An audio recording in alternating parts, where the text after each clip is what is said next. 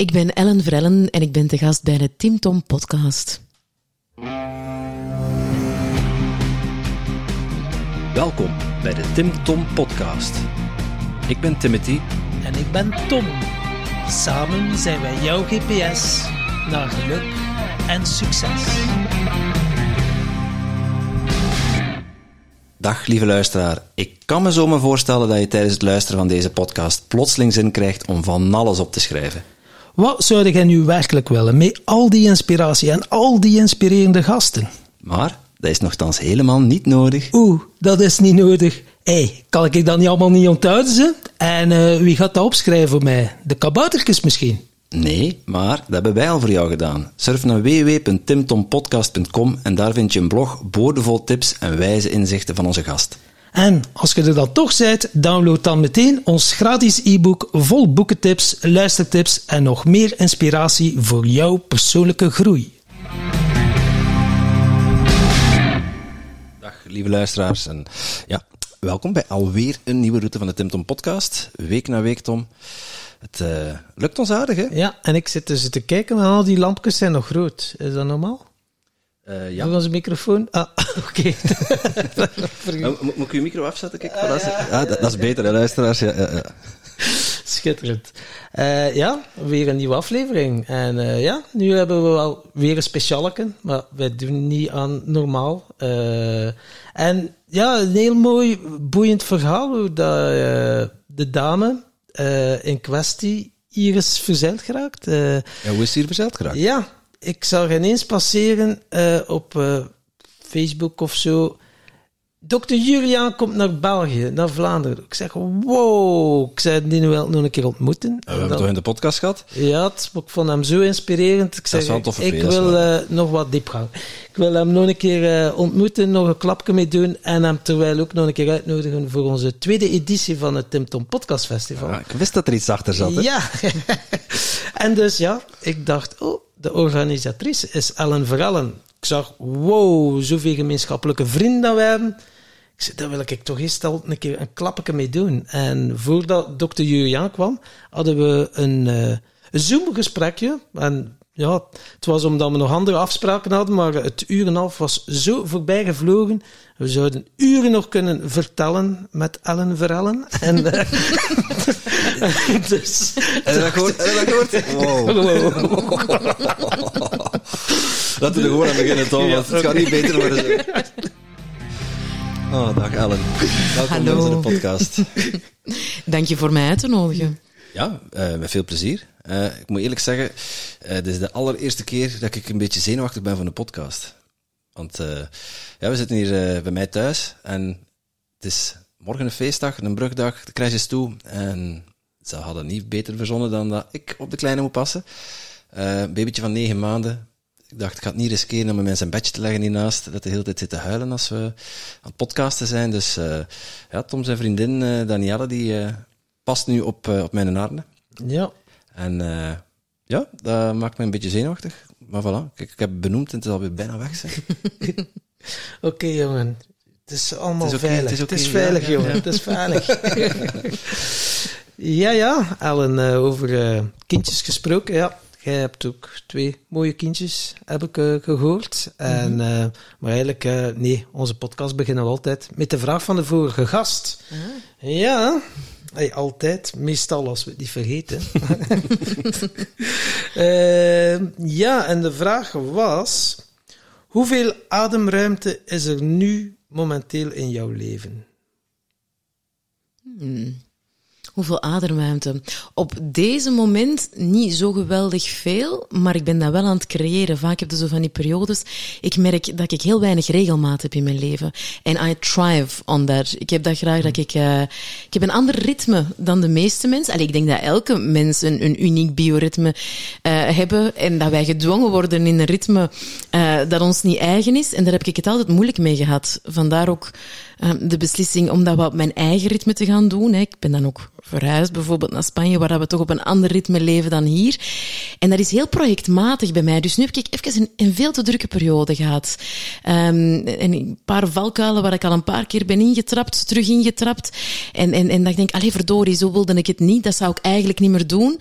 Dus ik, ik ben mij daar nu al van bewust en ik heb nu voor de komende periode weer wat meer ademruimte gecreëerd. Maar ik ben zo iemand die, ofwel stak ik aan, ofwel stak ik af.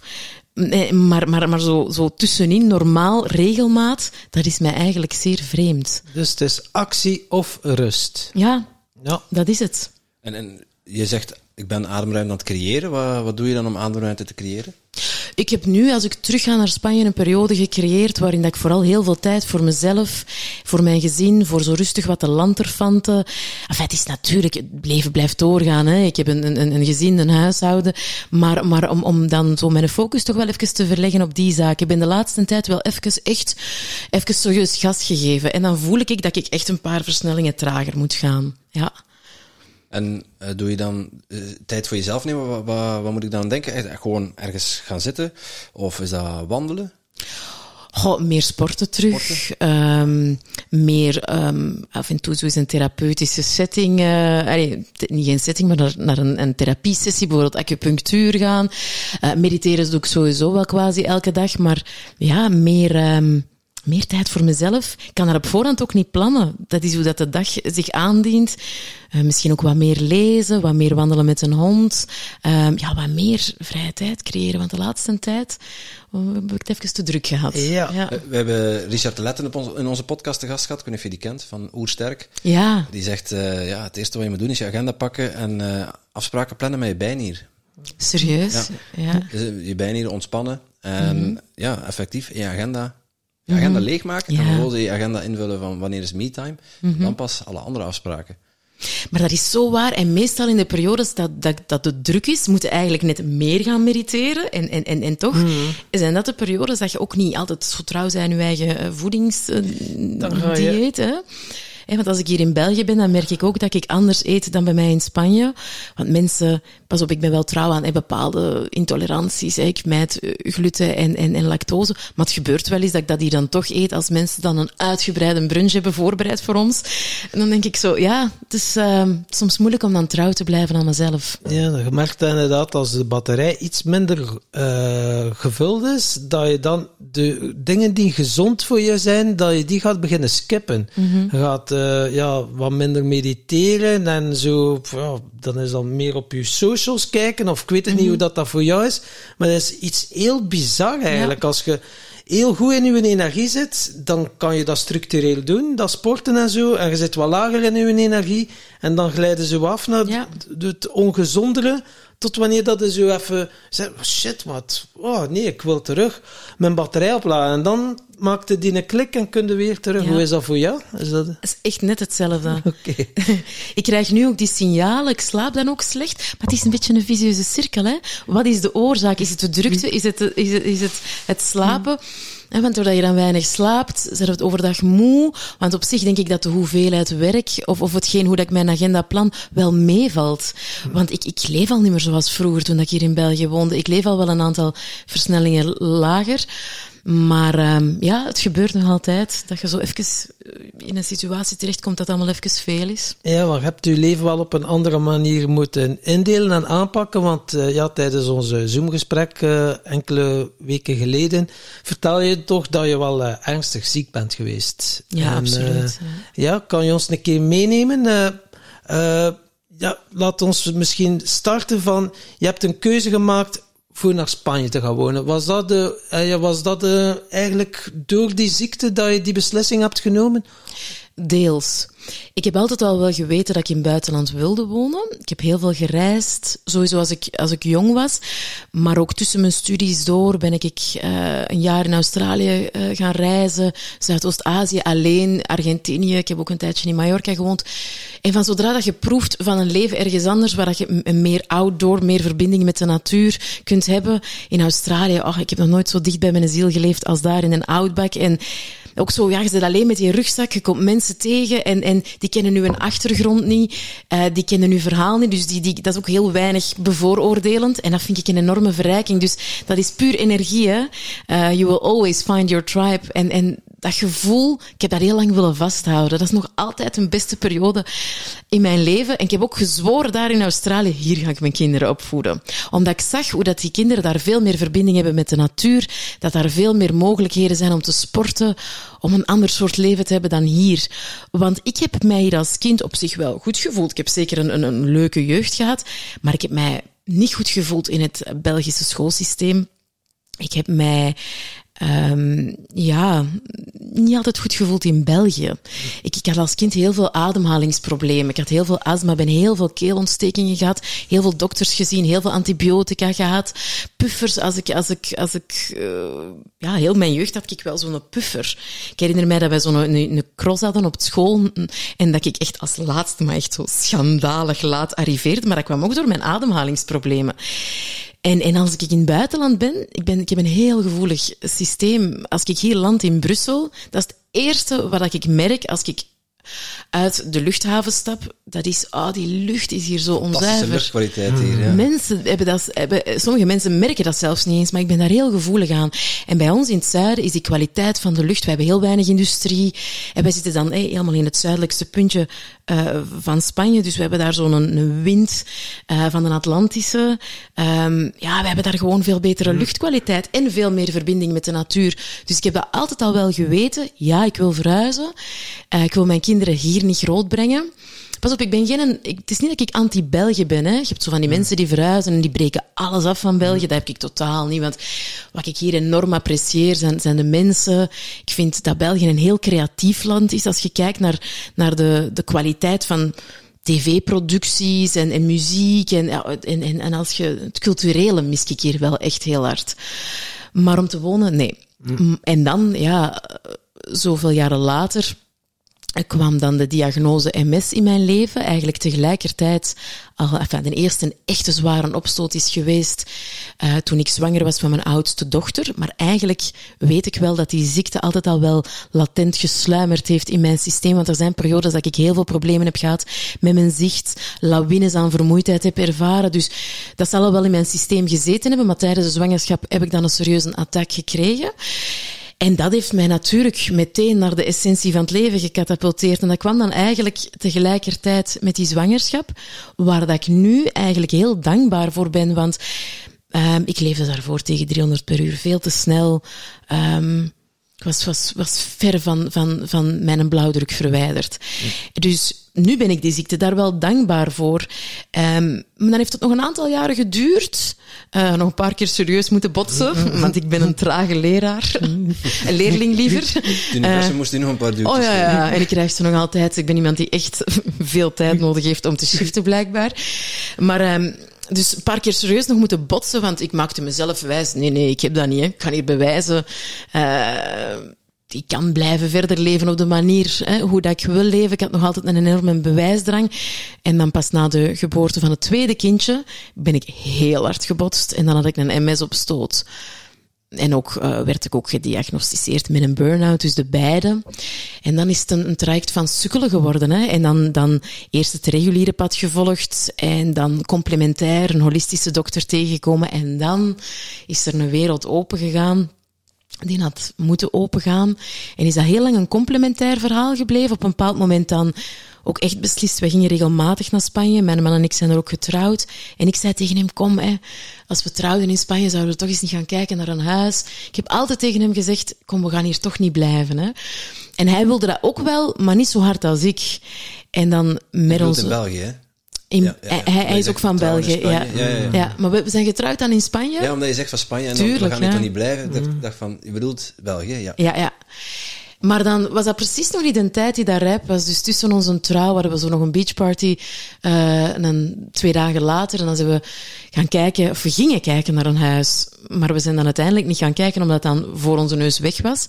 En dan zeiden we tegen elkaar, misschien is een tijd nu nog niet rijp.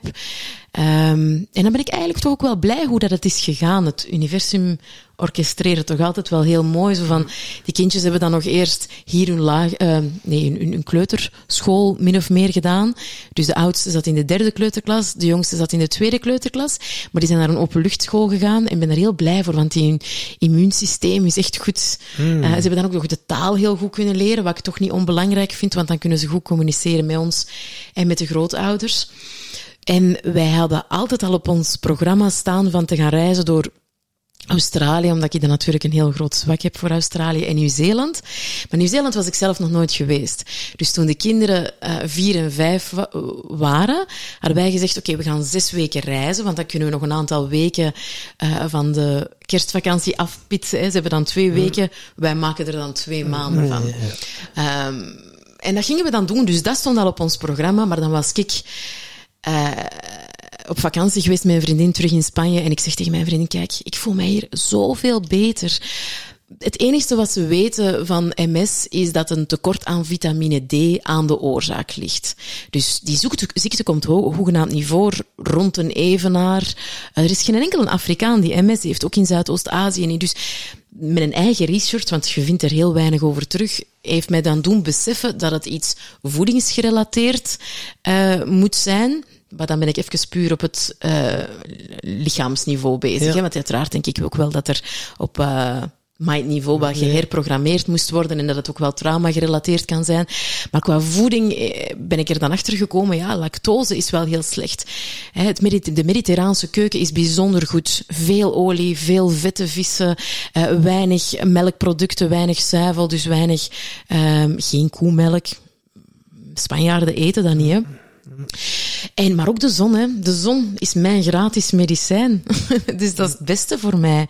En ook een trage ritme. Dus dan heb ik toch wel het mes op de keel gezet bij mijn mam. Uh, want het is altijd zo, als je nu zo verhalen hoort van mensen die ook zijn verhuisd, is toch altijd één van de twee die het net iets, liever wil. En ja, ik heb toch even mijn, mijn, mijn goesting moeten doordrukken. En nu zegt mijn man, hij heeft veel minder verbinding nu met België, omdat ik nog regelmatig terugkom voor het werk. En, en, en, en die, die, heeft, die zou hier niet meer komen, moest hem hier niet meer moeten zijn. Ah, ja, ja. ja. wauw. Ja, dus, dus nu is ze mij heel, heel dankbaar. Maar dan vertaal je ja, van de reguliere geneeskunde, dan ineens uh, zeg je, oké, okay, ik stop met alle medicatie, ik ga het op mijn manier uh, gaan doen. Maar dat dus was wel pas... Ja, dat wordt dan door, door iedereen afgeraden. Ah ja. Kan ik me zo wel voorstellen. Ja, sorry dat ik jou onderbrak, maar ja. dat was wel pas twee jaar geleden hè, dat, dat ik ah, echt alles heb losgelaten. Eigenlijk okay. te midden van de COVID-periode heb ik beslist. Um, het was eigenlijk omdat ik um, ik heb al heel veel uh, geprobeerd en heel, ik stel me voor alles open. Name it, I've done it. Ja. En toen begon zo wat die periode te komen dat ik mij openstelde voor plantenmedicijnen. Eerste zachte reisjes met de paddenstoelen en ik ging ayahuasca doen. Ja. En die shaman had als advies gegeven, ja, maar je zit wel op heel straffe medicatie. Dus misschien eerst een cambo doen, hè, de kikker. En, en, en dan pas, zie toch maar even dat je wat uh, een serieuze detox doet. En dan, want ik moest dan die bijsluiter doorsturen naar de organisatie die dat organiseerde in Spanje. En dan zag je dus dat lactose een ingrediënt was, wellicht als bindingsmiddel of zo, ik weet het niet, ik ken daar niks van. En ook in een, in, in, in een uh, ja, microdosis, hè, uiteraard. Maar dan denk ik, ik zit daar hier langs alle kanten uit mijn dieet te mijden. En uiteindelijk is dat iets dat ik elke dag inneem en daar zit gewoon lactose in. Ja, dus dat was bij mij zo van, allee, dat kan toch niet? Ik was mij daar echt niet van bewust.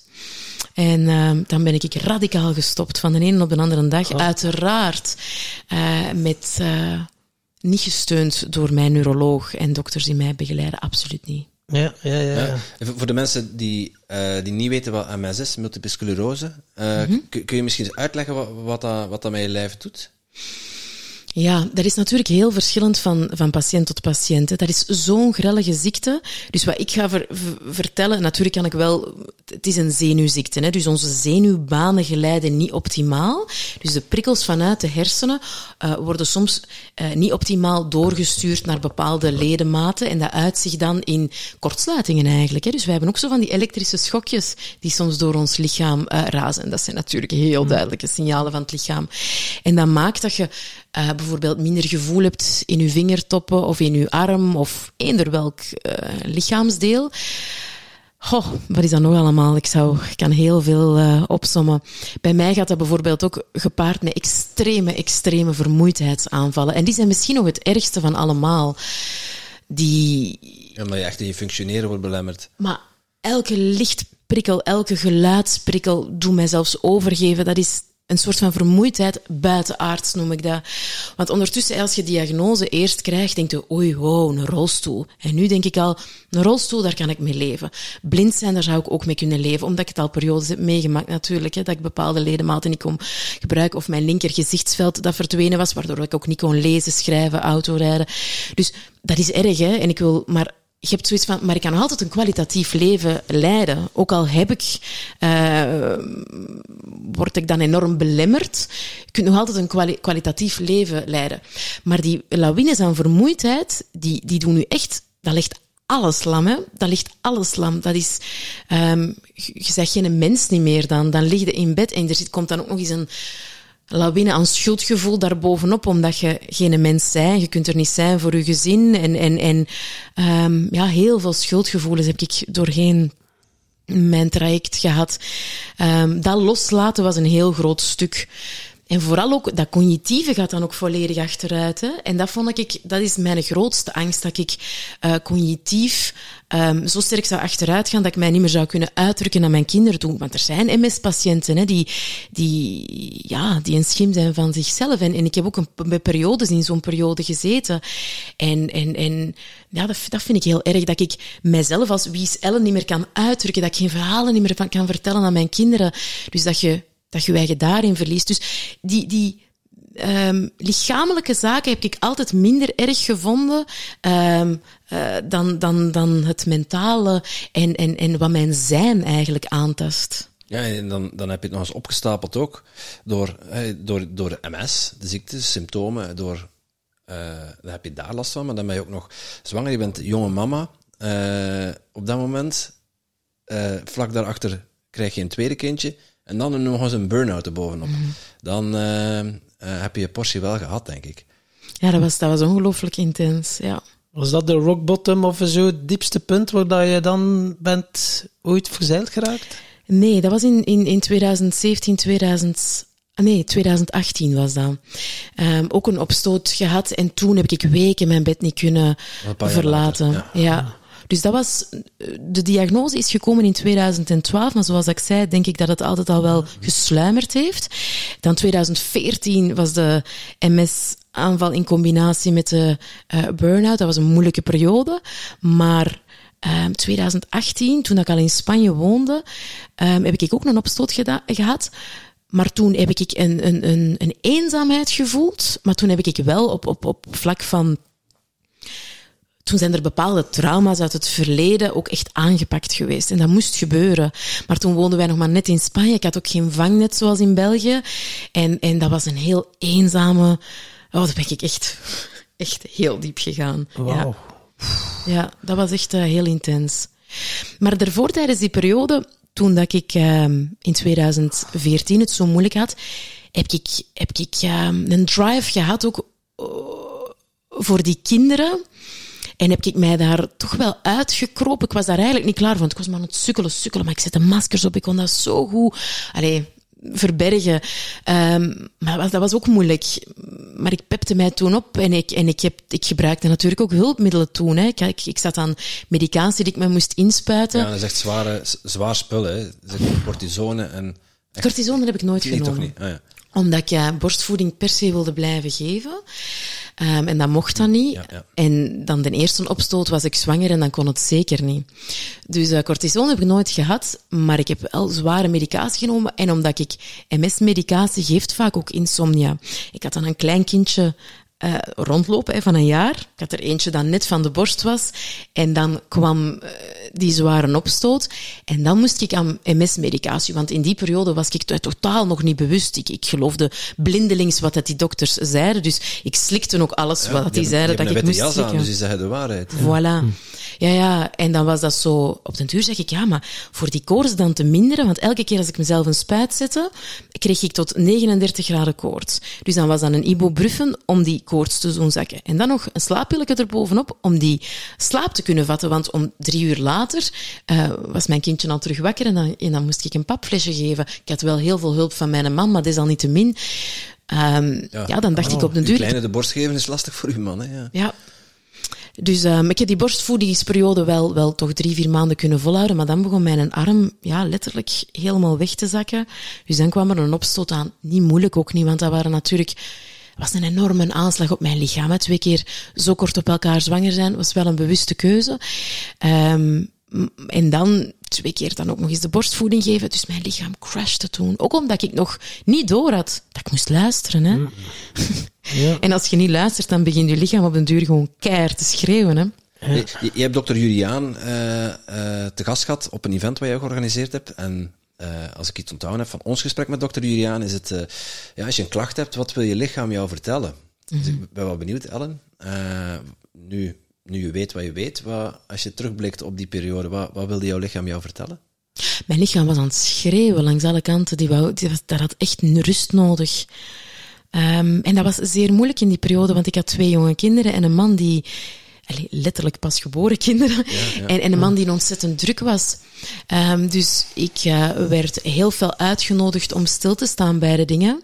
En, en om, uh, ik kon niet anders dan in overgave gaan en mijn focus leggen puur op de kinderen en op mezelf. En dat heb ik dan ook die jaren wel, wel moeten doen. Uh, ik heb nee moeten leren zeggen. Ik heb voor mezelf moeten leren kiezen. En dat was, dat was een enorme uitdaging voor mij. Dus ja, voor jezelf op de eerste plaats zetten en dan vertragen. Maar ja, in zo'n hectische wereld, ja, ga jij maar door in die red race. En mm -hmm. het is pas als je zo een, uh, dat je lichaam schreeuwt, dat je er naar luistert op een of andere ja. manier. En hoe heb je dan, ja, je werd wel gedwongen om dat te doen, maar hoe heb je dat dan aangepakt voor mensen die nog niet zo erg hebben, hè, dat lichaam dat ze wel voelen van, wow, ik zou ook beter wat meer rust voor mezelf nemen. Wat kunnen zo de luisteraars als tips geven? Uh, hoe neem jij dat nu aan?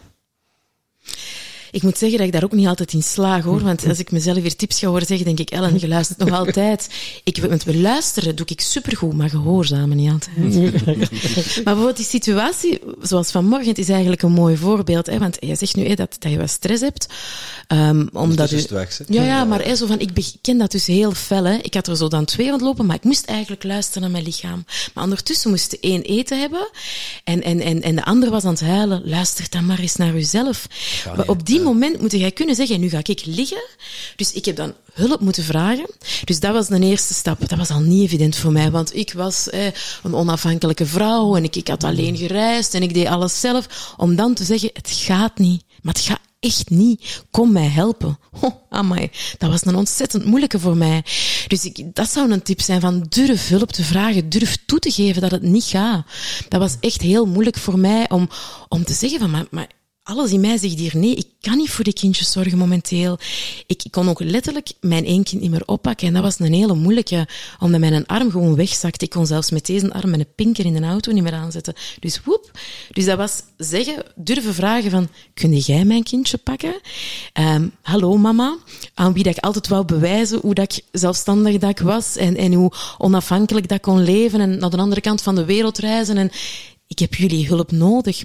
Naar mijn man zeggen van, het gaat eigenlijk niet goed. Mijn huis dat voortdurend overhoop stond. Ik had dan nog eens een refluxbabytje. Bijna een huiler. Oh, niet normaal. Dat was een verschrikkelijke periode. Wow.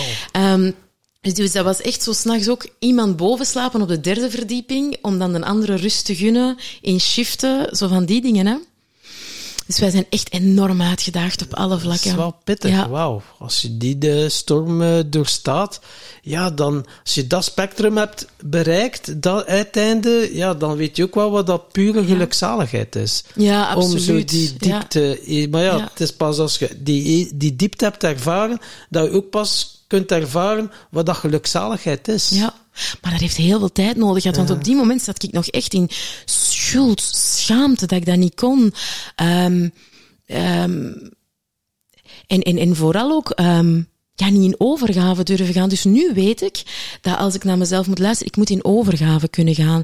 En het voordeel nu wel is dat mijn kindjes ongelooflijk zelfredzaam zijn. Dus die hebben op jonge leeftijd heb ik heel veel moeten loslaten. En nu zie ik dat eigenlijk wel, hoe dat, dat zich heeft ontvouwen. Dat ik, eh, natuurlijk niet als ze zo klein waren, hè, maar als die zo drie, vier jaar waren, oh, mama moet echt luisteren naar haar lichaam nu. Kunnen jullie zelf even in bed gaan liggen en uw tandjes poetsen? Maar echt op heel jonge leeftijd al. Of ja, laat die tandjes maar zo voor vandaag. Verhaaltje gaan we ook niet doen, maar mama moet nu even echt gaan liggen. En eigenlijk ja, want die kinderen gaan niet doodgaan hè, als die ene avond hun tanden niet hebben gepoetst en als die geen verhaaltje hebben gehad. En wat is erger? Dat die een paar uur nog zitten te praten en het misschien wel uithangen en dat ik daar telkens naartoe ga en energie aan verspil of dat ik mijn grenzen schromelijk weer ga overschrijden. Dus dat was zo van die keuzes maken. Hè. En, en dan merkte eigenlijk ook, nu denk ik van, de wereld blijft doordraaien. Hè? Er, is geen, er, er, is geen ramp als die uiteindelijk nu tot tien uur blijven praten totdat papa thuis is. En ik moet nu aan mezelf kunnen luisteren en trouw kunnen blijven aan mezelf. Maar dat was moeilijk, man. Want ik vertel dat nu allemaal, maar dat was niet altijd zo nee, evident. Ik heb wel over heel mijn lijf. ja. Dat is echt wel... kan me dat nu pas, en nu ik zelf papa ben, kan ik me dat heel goed voorstellen. Ja, dat, ik kan het eigenlijk ook niet omschrijven hoe dat... Uh, ja, heel straf. Ik ben wel half afgeleid nu. dat ik klein word. Nee. ja, ik kan me ook zo voorstellen dat, dat, dat, ja, zo drie, vier jaar, dan beginnen ze wel al zo te begrijpen wat je zegt. En dan luisteren doen, uh, doen ze dat misschien nog niet al te hard, maar dan ze ook wel aan jou zien en, en voelen dat er uh, meer aan de hand is van dan alleen uh, geen aandacht krijgen. Mm -hmm. En ik ben wel benieuwd hoe je zegt van ze zijn zelfredzaam geworden daardoor. dus, dus eigenlijk heeft dat ervoor gezorgd dat jongens nu sterker in hun schoenen staan. Meisjes, ja. Meisjes, sorry. Maakt niet uit. Zoontjes dat. Ik vind dat wel, ja. Op die moment had ik dat niet door. Dat is, dat is een, een, natuurlijk het traject dat ik ben beginnen wandelen. En dat is eigenlijk mooi ook. De diagnose MS is gevallen tegelijkertijd met de zwangerschap. Dus die, die tien jaar, want mijn oudste dochter is nu tien jaar, zijn, zijn mijn transformatieproces uh, is dan in gang gezet. Dus heel mijn bewustzijnsproces uh, ook. En, en dat heeft zich die kinderen zijn mijn, mijn, mijn grootste leraars geweest. Ook door hen ben ik daar bewust over gaan opzoeken van hoe moet ik dat nu aanpakken met hen. En, en, en, en uh, ja, ook die emoties daarna allemaal te tonen. In ons gezin, er, er, alles wordt getoond. Hè? En ook daarin was ik geconditioneerd. Nee, nee, die mogen dat niet zien. Hè? Dat jij boos of, of, of zwak of, of moe of verdrietig zij. We moeten ons sterk houden. Uit die conditionering mm. kom ik. Dus, dus dat was ook nieuw voor mij. Maar nee, dat is eigenlijk heel oké okay, dat die kinderen zien. Mama legt uit. Ja, ik was eigenlijk heel verdrietig, want was even allemaal te veel. En, en, en, en omdat ik zo moe ben en omdat ik mij dan schuldig voel, was mama eventjes aan het huilen. Dus wij, wij leven thuis echt heel, uh, ja, dat is onmogelijk om in zo'n situatie met filters te gaan leven. Hè. Dus van, van heel jong ben ik dingen beginnen uitleggen, beginnen tonen. Um, alles, in alles leven die mee. Ja, ook heel dat traject van, van dan te gaan reizen, dan uiteindelijk naar Spanje te verhuizen. Wij leven heel hecht als gezin. Hè. Dus um, ja, ik, ik, ik denk ik ben daar zo dankbaar voor. En nu kunnen we daarop terugkijken. En we zijn natuurlijk nog allemaal. Hè, elke keer worden er weer nieuwe laagjes afgepeld. In, maar, maar het is eigenlijk zo mooi. Ik zie dat nu pas in. Dat dat eigenlijk heel goed is geweest voor hen. Want die dat zijn plantrekkers. En die, uh, ja, die, die staan eigenlijk heel zelfstandig in het leven. Dus nu zie ik hoe mooi. Zij hebben mij als ziel natuurlijk uitgekozen. Hè? Mm -hmm. um, dus ze wisten dat ze in een, in een gezin zouden terechtkomen bij een moeder die, die, uh, die voor zichzelf moet kiezen. Dus die durven ook hun grenzen aan te geven. Uh, ja, dus, dus nu zie ik in van... Ik zeg ook soms van, zijn dat nu aan het doen voor mama te pleasen? Of, of, of of wil het echt? Want ik voel dat dan ook. Hè? Mm -hmm. Dus ik leer hen ook om, om, om, om nee te durven zeggen. En want kinderen vervallen heel snel in please-gedrag. Als ze doorhebben, ah, mama zal dat wel graag horen. Of, of, of die persoon zal, of de leerkracht zal dat wel graag hebben. Ja, maar, ja. maar maar doe het um, voor, voor die te pleasen of doe het echt Ja, voor ja, jezelf? angst om die om iets, om te iets te, ervoor terug te krijgen. Dus die verbinding met zichzelf, dat is echt wel een thema in ons gezin geworden van durf voor jezelf te kiezen. Wees trouw aan jezelf. Maar dat is heel moeilijk, hè? Want wij als mama, we zijn toch nog geconditioneerd om onze kinderen of ons gezin op de eerste plaats te zetten. Ja, en dan de mama, die heeft dan toch zo'n drive. Veel mensen die nu, of luisteraars, zien dan nu, oh, wauw. Ja, ik zou dan toch maar rust voor mezelf nemen. En ja, je zit er in Spanje, maar jij vliegt toch over en weer van Spanje naar België om evenementen te organiseren. Van waar die een drive, eh, wat, is dat jouw zielsmissie of van waar komt dat? Want ja, je wordt toch ook uitgenodigd om naar je lichaam te luisteren. Hoe v- voelt je je grens? eh? Ja, mijn grens voel ik, voel ik heel goed. Ehm, maar ik gehoorzaam er ook nog niet altijd. Want dat is in onze maatschappij ook heel, heel moeilijk, denk ik. Om zo ineens te zeggen, en nu ga ik luisteren. Dus ik ben daar, ik ben daar niet het, het, het, het voorbeeld in hoor. Maar ben mij er wel heel bewust van. Maar er is inderdaad een drive. Ik, ik, ik ben wel iemand die, hè, zoals ik daarnet al zei, nu ga ik weer een periode in rust gaan. Eh, december, januari zijn echt rustige maanden. Maar ik ben iemand die, en dat was als kind ook al zo, tijdens het school, ik deed, schooljaar, ik deed zo weinig. Maar ik focuste mij op die examens en dan presteerde ik. Ja. En dan poeh, studeerde ik dag en nacht en, en dan kwam dat altijd wel goed. Maar mijn gemiddelde was altijd... mm, allee, van bepaalde vakken waar dat ik, dat ik goed in was, was dat uitstekend, maar van andere vakken niet. En maar Net zo... genoeg, ja. Zijn net goed genoeg, voilà. Maar, maar zo werkt dat ook een beetje in mijn leven. Ik heb heel veel periodes van veel rust nodig. En dan ga ik even in off. En dan ga ik terug weer aan. Ik heb weinig regelmaat in mijn leven. Natuurlijk hebben wij wel structuur thuis, hè, want de kinderen gaan naar school. En mijn man heeft uiteraard zijn werk, maar heeft daar ook heel weinig eh, routine in. Dat is ook heel projectmatig. En ook met, met mijn hoogseizoen, dat waanzinnig druk is. En dan weer wat meer in rust. Dus ja, wij leven gewoon ons leven. En wij zijn, ik ben intuïtief echt heel veel gaan invoelen van wat werkt er hier voor mij? En, en, en ook met school, hè. Als die kinderen een paar dagen niet naar school gaan, dan gaan ze niet. Ik weet dat dat, eh, ik, ik, wij, het is ons leven en we live on our terms. Eh, Ja. Dus dat ben ik eh, echt wel gaan doen. En eh, nu ook met die evenementen, ik ga dat niet blijven doen. Dat operationele stuk ga ik nu ook echt uit handen geven. Ehm, maar ja, het voelt wel, ik doe dat zo graag en ik kom graag zo samen met gelijkgestemden. Ben dat ook gaan beginnen doen vanuit hun eigen behoeften. Dus ik heb dan uiteraard een aantal jaren dat ik zo slecht was niet kunnen werken. Eh, pas op, maar eerst nog blijven gaan, eh, nog studeren erbij. Ehm, omdat ik dan dacht, ik ga in het onderwijs gaan, want daar is het gepermitteerd om ziek te zijn, dacht ik dan toen. Maar uiteindelijk ben ik, wou ik dan toch wel terug iets doen, maar die evenementen zijn ook niet elke maand. Hè. Ehm, toen die periode in 2017 heb ik dat wel een periode zo gedaan, maar nu is dat hè, ehm, om de zoveel tijd en dan is een kleiner ertussen. Maar ik had een enorme drang om terug geprikkeld te worden. Want dan merkte ik wel van zodra dat ik mama was geworden en dan ook ziek was geworden, ja, mijn spannendste gesprekken waren aan de crash. Ja, gaat die van u al op potje? Ja, die van mij eh, al wel. En ik, die van mij zegt, die is fel gegroeid en die heeft nu al een zes maanden. Ik werd daar niet mee doorgevoed. Um, en ik merkte wel in mijn omgeving dat, dat heel veel mensen van zodra dat die kinderen er kwamen, dat die gesprekken alleen nog maar daarover gingen. En ik had zoiets van, ja, ik heb echt wel, ik kwam uit de media, ik, ik, ik, ik, ik, had, ge, ik, ik had daar wel echt, mm, ja, uitdagende gesprekken die mij voeden en ik verlangde daar wel terug naar.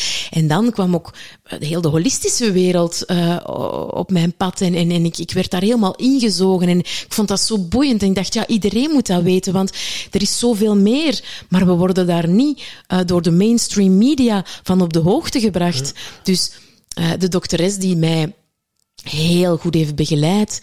Die heeft dan ook een lezing gegeven voor Apple for the Brain, stond daar heel hard achter. En, en toen was ik zo wat vertrokken. Zij heeft mij ook echt op dat pad gezet van, van, van uh, durft zoiets te organiseren, Ellen. En uh, ik was dan met heel sekke materie begonnen. Ik geloof zelfs, ja, Bjorn Soenes was de allereerste. Ja. Toen nog de battle tussen Clinton en Trump. En dan daarna Guillaume van der Stichelen. Ook zo, omdat ik dat zo dacht van, uh, dan heeft dan zeker een au serieus. Dat zijn onderwerpen die mij ook uitermate interesseren.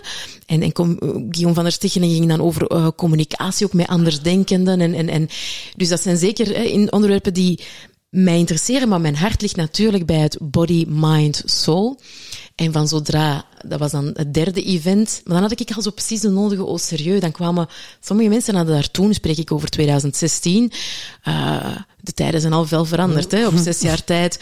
Maar zo, ja, spiritualiteit, body, mind, soul, dat is, dat zat toen nog in, in, in het geitenwolle sokkenvakje. En, en mensen associeerden dat met, met, met uh, Ja, heksen. ja. je gewaad. ja. en, eh, ja. en ik bracht dat ook zo, ook zo mijn look en feel was dan, feel was dan zo, ja, minimalistisch. Dus ik, ik probeerde dat zo te brengen en dat werd dan wel gesmaakt. Um, en op den duur, mensen bleven komen. Uh, en dat vond ik wel tof. Er is zo'n kleine community ontstaan van mensen die... Ik heb daar echt mijn beste vrienden, vriendinnen van nu komen eigenlijk um, van de Apple for the Brain events. En die, zijn dan ook zo mee geëvolueerd met, ja, met dat proces. Ja. Omdat je zegt, ja, eerst zo de wat serieuzere en dan wat meer het spirituele en het holistische. Maar hoe is Apple for the Brain eigenlijk ontstaan? Is dat tijdens dat je heel ziek was, dat je dan ineens zoiets kreeg of doorkreeg van wow, ik heb dat hier in de wereld te zetten? Nee, zo is dat niet gegaan. Dat is geleidelijk aangegaan van, wat wil ik nu gaan doen? Hè? Ik, heb, ik heb een korte periode voor televisie gewerkt, een korte periode voor radio gewerkt. En, en, mijn hart ligt daar toch wel bij. Ik ben journalistiek gaan studeren. En, en, vanuit een ideologie, ik ga de waarheid bij de mensen brengen. Maar ja, als ik dan voor VTM-nieuws werkte, had ik snel door, ja, persvrijheid is een complete illusie. Dat gaat hem hier niet worden. Ik merkte ook dat ik gelijk een rode lap op een stier werkte bij bepaalde mensen, omdat als mij dan ge, ge, gezegd werd, doe dat. En, en ik trok dat in twijfel. Want dat is niet de bedoeling dat ik dat in twijfel trok. Ik voelde mij daar helemaal niet goed. Dat was ook te veel met de elleboogjes werken. En, en, maar ik wist wel, ik wil iets gaan doen. Um, in de journalistiek, radio, televisiejournalistiek. Maar ja, ik heb hier eigenlijk al zowel ATV een stage gedaan, ik heb bij VRT en bij VTM gezeten. Het medialandschap in Vlaanderen is niet groot, wat moet het nu gaan worden? En dan dacht ik, ja, maar ik hoef het niet. En toen zo, dat was nog niet de tijd van podcasts. En, en, en uh, Facebook werkte ook nog helemaal anders. Als ik toen een quote van een evenement online zette, oh, kon ik daar nog 120.000 viewers mee halen met een Dirk de Wachter. Eh, maar dat is natuurlijk allemaal veranderd nu, hè. Maar dus toen begon ik te denken, goh, ik kan misschien evenementen gaan organiseren en ik kan het dan filmen en dan wel een klein interview doen met die sprekers. En zo is dat eigenlijk uh, ontstaan. Ik was ook altijd aan het denken, dat zou toch fantastisch zijn, moest er zo een centrum ont bestaan waar dat al die holistische artsen worden ondergebracht en dat je echt kunt gaan voelen, ah, dat is een acupuncturist, die, kan echt inwerken op die zenuwbanen met die acupunctuursessie. Daar zit iemand die craniosacrale doet, iemand die fascia doet. Uh, er is nog een cryocentrum bijvoorbeeld voor de koude therapie. En, en, en dat we daar echt kunnen kiezen uit al die mogelijkheden. Want elke mens is uniek en elke mens heeft een andere therapie die hij nodig heeft op dat moment in zijn leven. Terwijl de reguliere eigenlijk, ja, ons allemaal, um, die gaat copy-pasten. Hè. Ik, heb, uh, ik ben gediagnosticeerd met MS. En de neuroloog gaat op mij, je hebt hier een waaier aan medicatie en, en, en kiest eruit. Maar het is altijd de medicatie die ze voorschotelen. Ze gaan nu niet op een, op een, op een, een uh, ik moet daar niet mee afkomen, zo, met bepaalde dingen die ik tot nu toe heb gedaan en die voor mij ja, werken. Ze zeggen gewoon, als, ik wil geen medicatie, ah, dan kunnen wij niks voor u doen. Ja. Voilà. Ja. ja. Hoezo, hoezo niet? Er zijn zoveel ja. dingen die je kan doen. Maar als je dat in vraag stelt, ook, ik, ik, wil, ik, ik had een fantastische neuroloog, nee, maar als je dat in vraag stelt, hoe dat die u behandelen, dan zeggen die, ja, maar 80% van de MS-patiënten zit aan slaapmedicatie, ja. Ellen. Ja, maar hallo, daarom moet ik dat toch niet blijven slikken, want ik had daar op den duur echt een probleem mee, die periode dat de kinderen nog echt heel klein waren. Dus dan ben ik zelf beginnen denken, maar dit, zo kan het toch niet verder. En dan kwam ik alle chance de juiste mensen tegen, maar heel veel mensen um, hebben die mogelijkheden niet. En het kost ook allemaal veel geld. En een acupunctuursessie zijn er toch al gauw 60, 70 euro kwijt. Zo unfair. Ja, en sommige ziekteverzekeraars die betalen een deeltje van terug, maar de 10 meeste, euro. Maar de meeste gewoon That's niks. it. Ja. ja. Dus, dus ik wou dat wel bij de mensen brengen, maar ik wist nog niet hoe. Ik, ik, ik, de eerste die reportages wilt gaan maken over uh, wat dat, dat precies allemaal inhoudt. Nu zie je dat al iets meer op, op televisie, maar dat was toen nog niet. Want Jan met de pet weet niet wat acupunctuur is. Ja, die weet dat is iets met naaltjes, maar wat dat precies doet, daar wordt zo weinig over gecommuniceerd. En dat is Allee, zeker voor MS-patiënten is dat eigenlijk bijna onontbeerlijk om dat onder zoveel tijd te laten doen. En er is zoveel.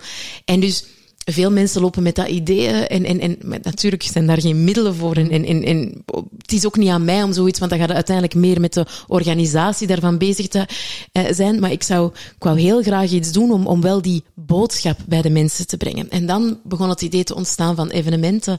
En dan, ook niet ontoevallig denk ik, want net voor ik gediagnosticeerd werd met MS, had ik um, een periode, niet zo heel lang, in het evenementiële gewerkt. Dus uiteindelijk zaten alle ingrediënten van wat ik in het verleden heb gedaan, hè, dus zowel um, het, het, het, het, spreken als, als het organiseren van evenementen, uh, ja, zat al wel in mij. Dus, dus dat kwam dan wel samen in die job. Mm. Dus, uh, en van al, het is ontstaan vanuit een eigen behoefte ook. Het is niet zomaar een spreker die op het podium wordt gezet, maar ook een plek om met gelijkgestemden samen te komen, te praten, te discussiëren.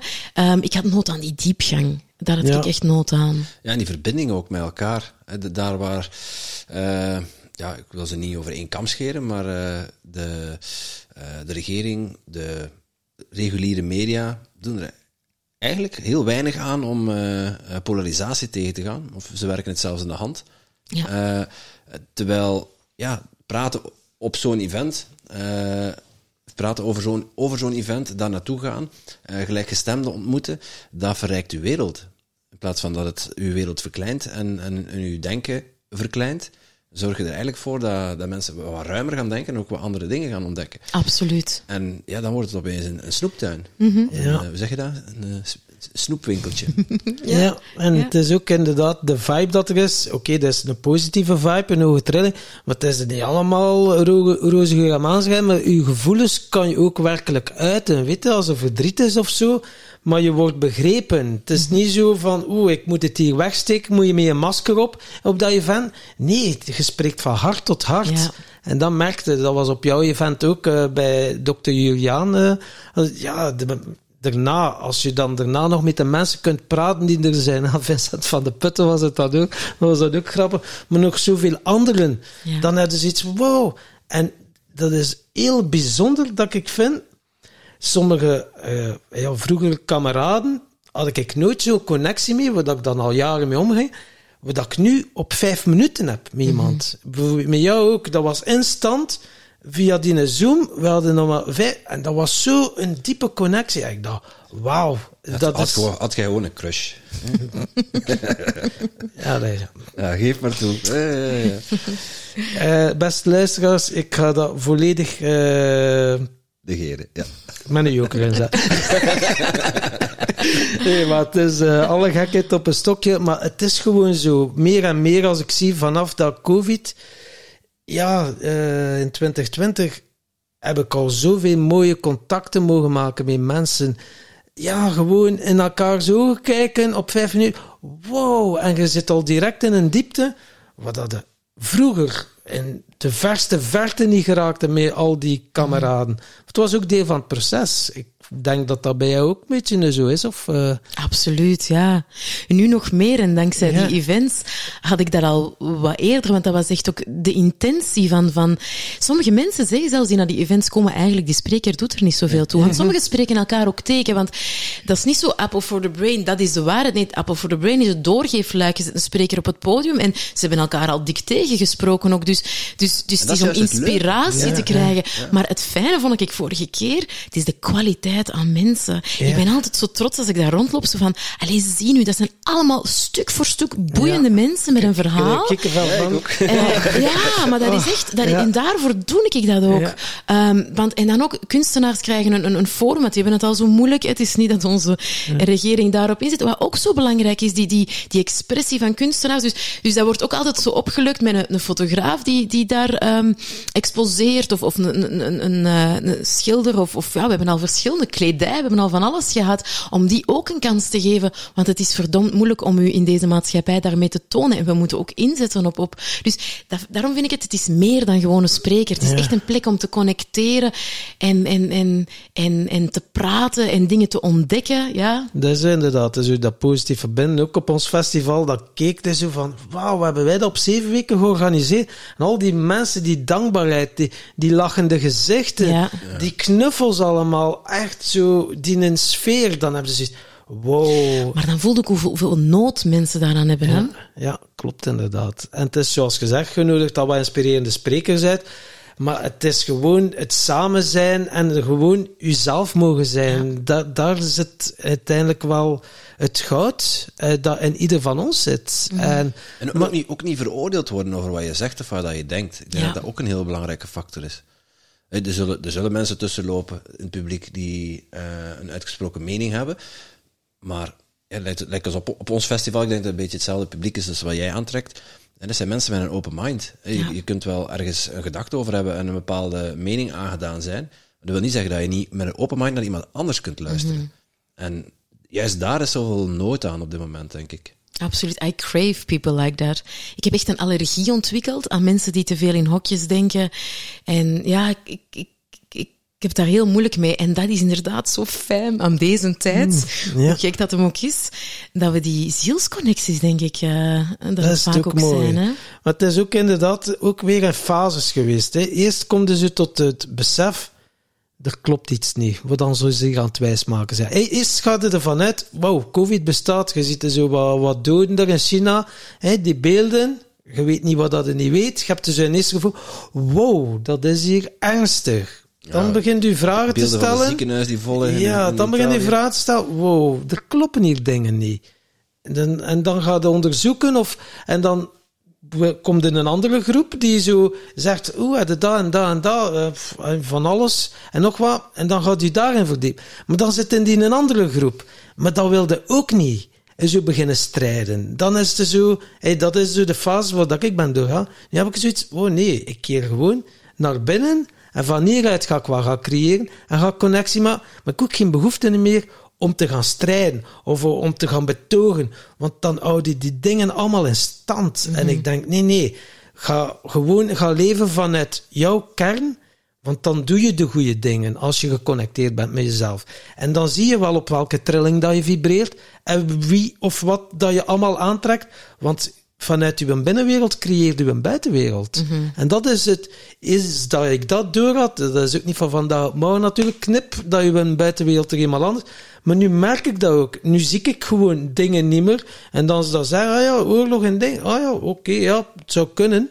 Maar er is zoveel dat je zelf kunt creëren. En je hoeft niet met die angst eh, mee te doen. Maar dat is zo ja, wij zijn scheppende wezens. Ja. En eh, ja, met Danielle, mijn nieuwe liefde, ja, ze heeft dan ook allemaal andere boeken. Dan nu ben ik bezig. Een ongewoon gesprek met God van eh, Donald Neil Walsh, Walsh of zo.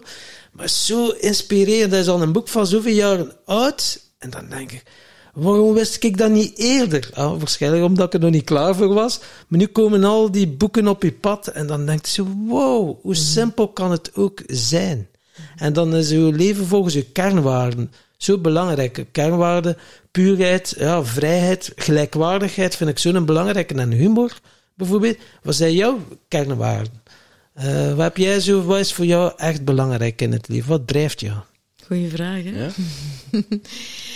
Hij stelt altijd vragen die in mijn hoofd zitten. Dus dat-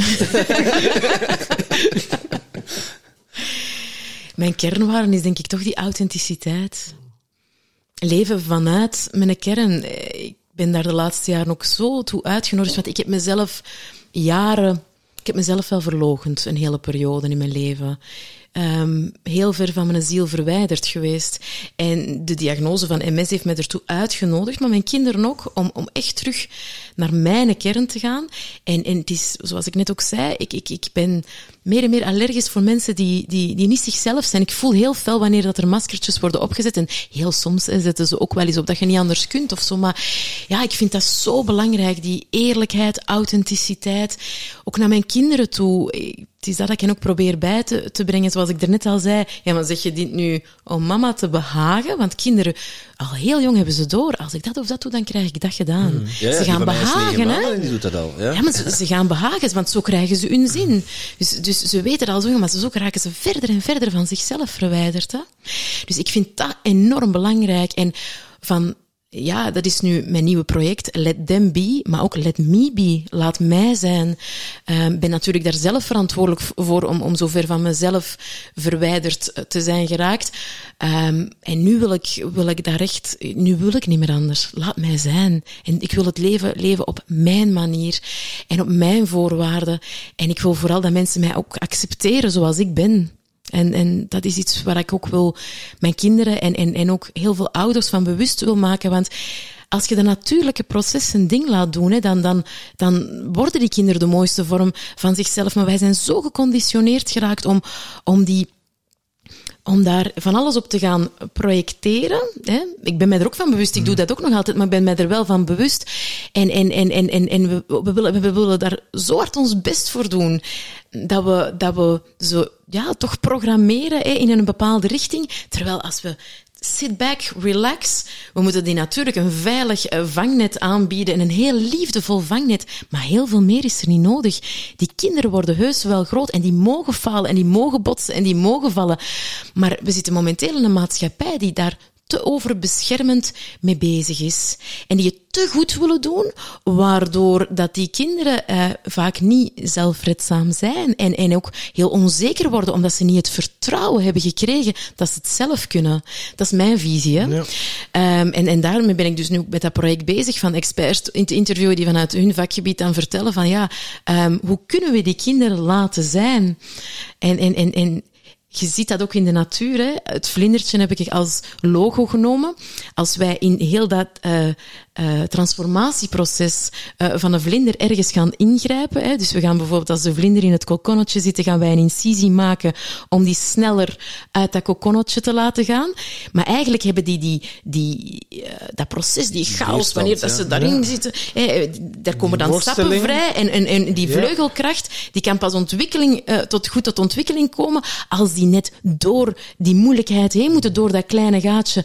Terwijl als wij dat proces willen vergemakkelijken en we gaan dat opensnijden, dan komt die vlinder er sneller uit, maar heeft hij niet genoeg vleugelkracht. En dat is eigenlijk bij onze kinderen ook zo. Laat die ploeteren, uh, laat ze botsen, laat ze falen, laat ze imperfect zijn. Um, uiteindelijk is het hun proces en we kunnen alleen maar toekijken en um, van alles aanreiken, maar het is toch hun pad waar dat wij vooral veel van kunnen leren. En, en, en, en eh, wat ik vooral ook wil, wil aantonen is, als we iets veranderd willen zien bij hen, moeten we het vooral eerst bij onszelf het, hè, gaan veranderen. Want wij, soms willen wij dingen gedaan krijgen, maar als je dan even naar jezelf kijkt, denk je van, oh, maar doe ik dat hier zelf eigenlijk wel, ja. wel goed? En dan denk ik, nee, echt niet. Dus, dus het, is een, het, is, het is ook een uitnodiging. Die kinderen die zijn hier echt daar heb ik echt wel beseft om ons vooral te leren. Spiegels, hè? Oh, Spiegels en de stukken die jij dan oplost ja. en heelt dat hoeven zij al niet meer te doen. Ja. En dat is ja, heel mooi als je het op die manier ook bekijkt, dat allemaal uw little gurus zijn of uw leermeesters ja. zijn. En, uh... Maar niet gewoon spiegels. Ik vind dat zij meer leraar zijn dan ja, wij, want zij zijn nog zo verbonden met heel die fysiek niet waarneembare wereld. En wij zitten daar dan met onze ratio, komen wij daaraf. en wij zeggen dan van, ah, ja, maar doe dit, doe, doe, doe dat. En, en dan denk je van, maar waarom zit ik dat hier te zeggen? Omdat wij zo geconditioneerd zijn. Uiteraard zijn er vormen van respect en beleefdheid die we zijn moeten meegeven, maar we kunnen dat ook heel zacht aanreiken. Oh, soms denk ik dat we zo fout bezig zijn op dat vlak. Ja, ja, ja, en zij leren ons zo mooie dingen als je daar zelf met verwondering naar kijkt en als je daar naar bereidwillig bent om daar naar te luisteren. Hè? Ja, ja, dat is heel mooi. En je zegt Apple for the Brain en dan heb je Let Them Be. Dus ja. dat is een, een, een zijtak of dat is uh, iets dat ook bij Apple for the Brain hoort of dat is iets nieuw, een nieuw project van jou? Goh, dat is, ik heb destijds hebben we, heb ik zo'n aantal familiedagen en zo georganiseerd vanuit Apple for the Brain, waar dat dan uh, Apple for the Young Spirits genoemd. Maar achteraf bezien is die titel zo, allee, die naam zo slecht gekozen, want dat kunnen even goed Old Spirits zijn. Maar dat was dan zo leuk, hè. Je hebt dan Apple for the Brain en dan organiseren we wat kinderevenementen voor ouder en kind om, om hen te doen verbinden. Um, dat was super tof. Uh, ja, dan is COVID gekomen, heb ik daar ook uh, niks meer mee gedaan. Maar die Let Them Be gaat wel even in de koelkast. Want ik wilde daar in 2020 al iets mee doen. Ik had die naam dan zo gedeponeerd, omdat ik zo'n leuke naam vond, van laatste zijn. En pas nu, en de tijd is daar nu ook echt rijp voor, voel ik van, uh, ja, ik moet daar echt iets mee doen. Laat die kinderen kind zijn, want we zijn ze onbewust, hè, want elke ouder heeft uiteraard het beste voor met zijn kinderen. Iedereen doet alles vanuit de beste intenties, hè, daar twijfel ik niet aan. Uh, maar we zijn ze, we zijn ze in mini-volwassentjes aan het kneden soms. En dat is niet nodig. Saucissen, zoals eh, Peter van den Broeke zegt. we worden, we worden, worden in, een, in een saucis geduwd. Ja. We zitten in een bepaald systeem waar het allemaal grijs is en eentonig. En ja, als je daar doorheen bent, dan zit je alweer in de volgende saucis. Hè. Er is dan voortgezet onderwijs of het, het middelbaar, uh, de unief, je job. Je wordt gewoon van saucis naar saucis naar saucis verplaatst. ik vind dat wel leuk. Terwijl, ja, het saucissenmodel. Ja, ja, fantastisch. Uh, Peter van den Broeke, we hebben hem ook in de podcast gehad. Daar gaat uitgebreid over. Dat was een heel tof gesprek ook. En uh, ja, dat, dat is het probleem. Hè? En, en we nemen niet eens meer de moeite om te kijken wat, er, wat voor mooie wereld er buiten de saucis is. En Ja. wat voor onbegrensde mogelijkheden er zijn. En nog een kind gewoon laten dromen en, en laten, laten doen wat hij, wat hij wil doen.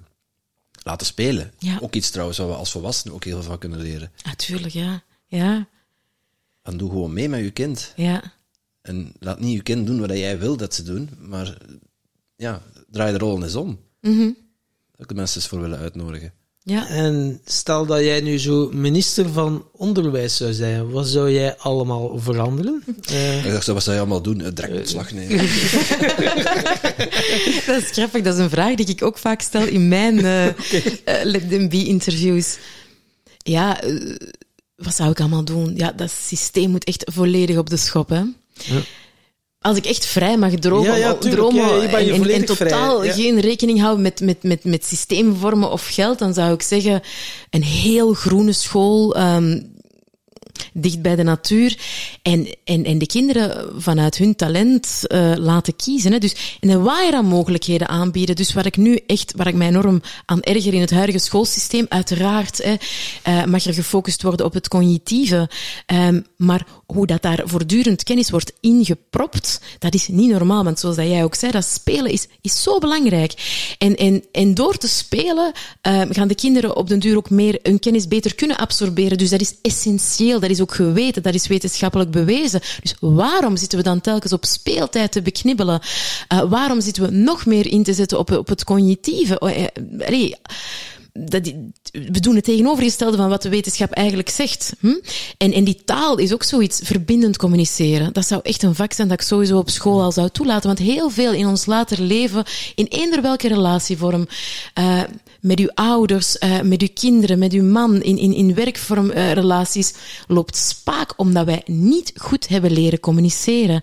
Heel veel mensen die, die um, kruipen in hun schulp als, als ze kritiek krijgen. Met kritiek leren omgaan, want dat kan ook heel opbouwend bedoeld zijn, maar ook op een heel opbouwende manier brengen. Hoe waardevol zou dat zijn?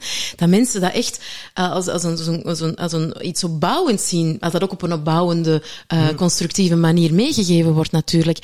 Maar dat is dus een oh, vak dat ik echt van denk. Wat zeg je? Ze zijn een klootzak. Wat dankjewel voor deze feedback. Ja. maar zo'n vak, praten over emoties, emoties leren uiten. Dus dat is ook al een vak, sowieso. De natuur, maar ook, mijn kinderen zitten nu op een fantastische school waarin dat ze om de acht weken nieuwe vakken mogen kiezen. Dat vind ik enorm waardevol. Mm. En zo kunnen ze echt ontdekken van, oké, okay, dat past hier bij mij. Hmm, dat heb ik nu acht weken geprobeerd. Nee, dat is niks voor mij. Mm. Maar ook, er wordt gekeken naar um, onder die kinderen mogen zelf ondernemen. Dat is in ons systeem hier in België, uh, ja, is dat niet echt aan de orde. En er wordt rond een project gewerkt. En dus bijvoorbeeld, mijn dochter, dat is een goed voorbeeld, had vorig jaar het idee uh, van, van twee weken voor het, het, schooljaar eindigde, van een charity-event uh, te organiseren. En die, ze zegt, ze was naar de directeur gegaan, ja, wij willen een charity-event organiseren. En die directeur had gezegd, ja, maar het is nog maar twee weken. Uh, ah wel, als je morgen met een goed plan afkomt, dat mag je doen. En dan was ze met haar vriendinnetjes, hadden ze echt een heel uh, plan uitgeschreven. Tien jaar. Uh, Tien jaar, ja. Wow. En ze waren dat gaan voorstellen aan de directeur. En, en die had gezegd, ah wel, het is goed genoeg, je moogt het doen. Twee en die weken. kinderen hadden carte blanche gekregen. Ik heb mij ook niet gemoeid. Pas Wow. twee dagen voor het event hebben ze mij als mama die een beetje kan organiseren, Mm. hè, erbij betrokken. En dat was schitterend. Uiteraard hè, hadden ze aan bepaalde zaken niet gedacht, maar ze hadden dat eigenlijk heel goed uitgedacht. Maar als je dan kijkt wat het er allemaal aan bod komt. Ze hebben dat moeten gaan presenteren, gaan voorstellen bij een directeur. Dus spraak. Hè, is, is het, het, het, het, omschrijven, het, in een structuur gieten, het gaan voorstellen, een presentatie ook. Dan op de dag zelf komt er heel wat rekeningwerk bij te pas. Ze leren hoe een event uh, op poten te zetten, entrepreneurship. Dat zijn allemaal zaken die, waar je later in de praktijk echt iets mee zei. Ze hebben nu van alles gezien. Oh, dat had wel beter gekund. Daar gaan we van leren. Dat nemen we mee naar volgend jaar, want ze mogen het nu terug opnieuw doen. Hoe schitterend is dat? Wow. En, en, en ze hebben dan ook nog eens iets voor een goed doel gedaan. Dus, en, en ondertussen, komen heel veel vakken in dat project dat ze dan zelf opzetten ook aan bod. Uh, dus, maar dan leren ze het in de praktijk te gebruiken. En dat vind ik ongelooflijk vooruitstrevend. Mm. En dus ja, ik denk dat we echt weg moeten. Uh, van, van, van nu wordt er eigenlijk in ons onderwijs gezegd, je moet in heel veel vakjes goed zijn. Dus een gemiddelde in, van twintig vakken is, is belangrijker dan eigenlijk heel veel uitmunten in een bepaalde vakken, eh, maar dan wel buizen op, op andere vakken. Ik was bijvoorbeeld zo iemand die wel uitblonk in, in eerder talenvakken, maar, maar echt gigantisch slecht was in wiskunde. En waardoor dat ik, dat ik ook één jaar ben blijven zitten en zo. Maar als ik nu eens mocht mocht uitmunten in bepaalde uh, talen of, of, of bepaalde dingen waar ik goed in was, maar dat was niet zo. Ik ben er natuurlijk wel doorgeraakt altijd, maar hoe zou het zijn, hoe zou de wereld eruit zien als iedereen in zijn talenten, vier, vijf talenten, echt kan verder studeren en daar exceptioneel goed in worden? Mm. Dan, kan, dan zou de wereld er toch anders uitzien. We willen toch dat ieder vanuit zijn talent meecreëert aan deze wereld. En nu heb ik het gevoel dat degene die in alles gemiddeld goed zijn, die geraken er. En, ja. en, en, en, allee, dus, en er wordt, ligt ook te veel focus op, op, op het cognitieve, naar ja, mijn gevoel. Ja, dus ze maken allemaal zo van die kleine Google's ervan. Hè. Ja, als je het wilt weten, ja, je tik het in, in Google en, en je weet het ook. Maar nu worden volgepropt met data voor te onthouden. En dat, dat je dan zoiets hebt, ja, zo de lessen geschiedenis, uh, noem maar op. Uh, dan denk ik, oh my god, wat hebben wij er allemaal zitten doen? Ja, dat is dat zoiets is van... Uh, ja, als u dat echt interesseert, tuurlijk kunt u erin verdiepen, maar 95% van de mensen hebben er zoiets van, ja, oké, okay, als je er nu op terugkijkt op uw, op uw schooltijd, hoeveel weet je er nog van? Ja, dat is... En dan komt op een job... En dan met al die kennis zei eigenlijk ook weer niks meer, want we moeten het weer opnieuw leren, nieuwe ervaringen opdoen. En ja. dan hebben ze iets, oké, okay, ja, dat is zo crazy eigenlijk. Dat is crazy, hè? Ja, ja, ja. Maar ja, moet in het systeem passen. Hè. Ja. Moet, daar, moet daar een slaven. Hè. Wanneer, kunnen, wanneer kunnen we op u stemmen? ik ga niet terug naar België komen. maar bijvoorbeeld, wat, wat, jij ook zegt, wat weten wij soms? Wat, wat, heeft het voor nut om te weten waar de Donau ligt, als we eigenlijk nog niet eens deftig kunnen ademhalen? Sommige kinderen doen hun ademhaling nog niet echt juist meditatie, hoe waardevol zou het zijn, moest dat in elke school geïntroduceerd worden. Al is het maar drie minuten een visualisatie, dan zouden ze daarna veel meer kennis terug kunnen absorberen. We zijn, we zijn daar echt mini-robotjes van Belangrijk, ja, die linker en die rechter hersenhelft, om die uh, te laten samenwerken. Hè. Want nu is het allemaal het cognitieve, die linker hersenhelft, en maar het creatieve brein wordt gewoon uitgeschakeld. Ja. Je hebt het gewoon niet nodig. En, ja. Uh, ja, dan, als je dat dan la op latere leeftijd beseft, wow, dan zitten zo vast in bepaalde patronen en programmeringen. Ja. ja, dan moet je echt wel iets ernstigs meemaken soms, om er ook uit te breken. Of ja. via hypnose of plantmedicijnen. Er zijn manieren genoeg. Elk zijn pad natuurlijk. Maar dan kan je het inderdaad wel even het veld weer uh, een reset doen en het weer opentrekken. Het veld van de oneindige mogelijkheden. En mm -hmm. uh, ja, Jij, we hadden het er ook al over, over plantmedicijnen. Ja, dat heeft jou ook heel veel gebracht uiteindelijk. Uh, maar dat is ook natuurlijk weer niet voor iedereen. Mijn collega hiernaast voelt het dan helemaal niet. Of, of heeft zoiets... Ja, de plant heeft mij nog niet geroepen. Ja. Of nog niet ja. geroepen. En dat is ook helemaal oké. Okay, terwijl dat, dat voor mij al zo'n wereld van verschil heeft gemaakt. Maar uh, dan zeggen ze ook wel... Ah ja, ja, maar ja, je zit dan aan het experimenteren. Ja, maar eigenlijk zijn de verslaafd nu aan plantmedicijnen. Ik zeg, ik zeg, verslaafd zou ik het niet noemen. Want als je zo'n Iboga-ceremonie doet, kan je garanderen, als je dat doet, dan word je niet verslaafd aan. nee. Ik zei dat je een sadomasochist bent. Dat is wel een klein beetje. Self-help sadomasochist. Ja, ja maar het is geen regenboog en zo. Dat, ja, man, nee, man, echt, man dat is echt wel... Uh, maar wat, als je zo terugkijkt, zo die MS, hè, heel heftig als ik dat hoor, dat verhaal, wow Crazy, wat heeft u het meest geholpen? Of uh, dus mensen die nu zo lichte vorm of ernstige vorm hebben voor MS, wat zou je die mensen kunnen aanraden of zo? Of zeggen van, dat heeft mij wel enorm geholpen. Ik weet wel, elke mens is uniek natuurlijk, maar... Je had het over voeding, maar wat, wat, heb, je, wat heb je nog meer geprobeerd om te zijn wie je nu bent, want, want er is, er is helemaal niks te zien aan jou. Hè? Nee, maar er is niks te zien. Maar dat wil niet zeggen dat ik, dat ik geen symptomen meer heb. Want het is nog wel voor... Ik heb mezelf nog niet genezen. Hè? Ik ben mezelf aan het genezen. Volgens de reguliere geneeskunde is uh, MS ongeneeslijk. Mm -hmm. En in 2021, vorig jaar, dus ik had twee jaar geen MRI gedaan, uh, hebben ze opnieuw een MRI gedaan en, en, bleek er toch een letseltje terug bij te zijn. Dus toen werd ik helemaal door de reguliere artsen, oh, jij is zot hè, jij is zot dat jij geen medicatie neemt en nu ga je gradueel achteraan. Dus dat is zeer moeilijk om dan trouw te blijven aan mijn eigen visie, want... Um, want het, het, het, ja, soms, ik kan niet ontkennen dat ik soms ook nog wel in mijn angst kan gaan staan als ik dan symptomen heb. Dus voor alle duidelijkheid, ik, ik, ik ben mezelf aan, aan, aan het genezen. En ik, en ik, ik, maar ik ga nog altijd met, soms met ups en downs mm -hmm. uh, door het leven. Maar ben er wel vast van overtuigd, en dat pro programmeer ik er elke dag in. Je zult mij ook nooit horen zeggen, ik heb puntje, puntje, puntje, want dan programmeer ik er bij mezelf in, multiple, hm, en dat wil ik echt niet doen. Dus ik zeg altijd, ik ben gediagnosticeerd met. Dus die programmering, die herprogrammering is wel een hele belangrijke. Eerst ben ik begonnen, begint dat Ah, dat lichaam geeft signalen, dus dan begin je op voeding te werken. Wat kan ik hier allemaal doen? Acupunctuur, sessies, cranio, fascia, koude therapie van Wim Hof is echt super. Oh, daar ben ik verslaafd aan geraakt. Dat is echt een must voor mij. Maar daar, vandaar, dat is niet voor iedereen, werkt dat niet. En ik, ik zou iedereen ook vooral willen uitnodigen om vooral naar zijn lichaam te luisteren, want je kunt dan ook periodes hebben dat je weer eerder de warmte wilt opzoeken en dat je um, net Um, als ik bijvoorbeeld heel hard mijn regels heb en ik ben moe, dan ga ik, dan ga ik niet per se een Wim Hof doen, maar dan zou ik misschien eerder de infrarood uh, cabine opzoeken. Dus wij zijn geen robotten die, die, die elke dag dezelfde zaken nodig hebben. Dus, want omdat ik merk dat heel veel mensen op mindniveau zichzelf hè, herprogrammeren. Maar dan, en dat was ik heel lang vergeten, dan zijn ze niet meer aan het luisteren naar wat uw ziel te vertellen heeft. Dus wat mij enorm heeft geholpen in Eerst was het de aanpak op lichaamsniveau. Dan begon ik mezelf op mindniveau te herprogrammeren. Nog altijd mee bezig, uiteraard. Het mm. is een never-ending story. Hè. Maar toen dat ik mezelf dan, dat ging ook gepaard met heel veel stress voor mezelf. Want dan begon ik mezelf te herprogrammeren. Ik moet mediteren. Ik mm. moet zo eten. Want die heeft verteld dat dat zo moet. En soms waren dat echt hardcore diëten. Ik heb ook alles geprobeerd op dat vlak. Totdat ik begon te denken van, ja, maar dat begint mij eigenlijk ook wel stress op te leveren.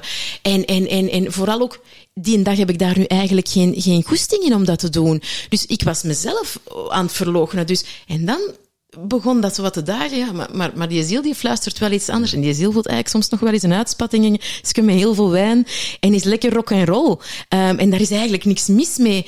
En, en nu leef ik met een 80-20% uh, regel van, van, van, van, en ik vul mijn dagen in, ik luister terug naar mijn ziel. En wat een ene dag prettig is, is de andere dag niet prettig. En wat mijn lichaam de ene dag nodig heeft, heeft het een andere dag niet nodig. En dat is met voeding ook zo. Ik denk dat dat ook kan verschuiven door in uw leven. Ik heb bijvoorbeeld recent nog een bloedtest gedaan en blijkbaar zou ik nu wel terug tegen gluten kunnen en lactose, wellicht omdat ik het, uh, omdat ik zo goed heb geluisterd. Maar het voelt nog altijd niet juist om dat te nemen maar het, ik kan het mij dan al wel af en toe terug veroorloven. Dus als ik een advies zou mogen geven, dan is het vooral... Er zijn, je gaat als je dat traject gaat bewandelen, ga je ontzettend veel mensen tegenkomen met allemaal goed bedoelde uh, adviezen. En ieder spreekt natuurlijk vanuit zijn expertiseveld. En ik ben er altijd blindelings beginnen volgen. Elke keer zat ik voor een nieuwe uh, inspirator dan of therapeut. En ja, ja, dit is het nu, hè. Zo in met een witte jas. ja, nee. Eh, even goed een acupuncturist die dan zegt ja. tegen mij, oeh, nee, nee, koude therapie. Ja. Niet doen. Want uh, uw lichaam heeft net de warmte nodig, hè. Want dat is dan de Chinezen. Die ja. willen dan meer de warmte opzoeken. En dus dan, ups, dan draaide ik weer. Ja, en nu denk ik vooral, nee, nee, elk lichaam is uniek en die therapeut die zit daar met de beste bedoelingen, maar die kan jouw lichaam niet invoelen. Dus uiteraard bewandel dat pad, zoek, zoek, zoek, zuig kennis op, maar blijf vooral echt trouw aan jouzelf en ga op zoek naar wat jouw lichaam te vertellen heeft. Um, werkt op mindniveau, maar, maar niet de mind gecontroleerd, want vergeet niet het fluisteren van uw ziel, want die is hier niet om een puriteins leven te leiden. Hè? Die, wil, die wil leven en die, die maakt ook fouten. En En als ik kijk naar de mensen die zeer mind geprogrammeerd leven, ik weet niet wat dat noodzakelijk gelukkig maakt. Dus ik denk ook niet dat het de bedoeling is om, om um, mij altijd maar goed te voelen. Dat mag geen streven zijn. De kracht ligt er met in de acceptatie um, dat er ook periodes van niet goed voelen en um, um, niet goed voelen en, en, en ook wel het aanvaarden van pijn, dat die er altijd zullen zijn. Dat er allemaal zijn, hè. Voilà, ja. Dus en, en uiteindelijk, en het is ook wel mooi dat je zegt van, heb, dat je zegt, ik ben gediagnost... Uh, ja, dat woord. Dus, Gediagnosticeerd. ja, dank u wel. uh, maar dan uh, dacht ik, ah ja, Edwin Selei zegt altijd, je hebt het niet, je doet het. Ik doe MS. Of ik doe verslaafd. En als je doet, kan je er vanaf. Maar als je het hebt of je bent het kun je er niet vanaf, want je bent ermee geïdentificeerd. Exact. Ja, en dat exact. vond ik zo mooi.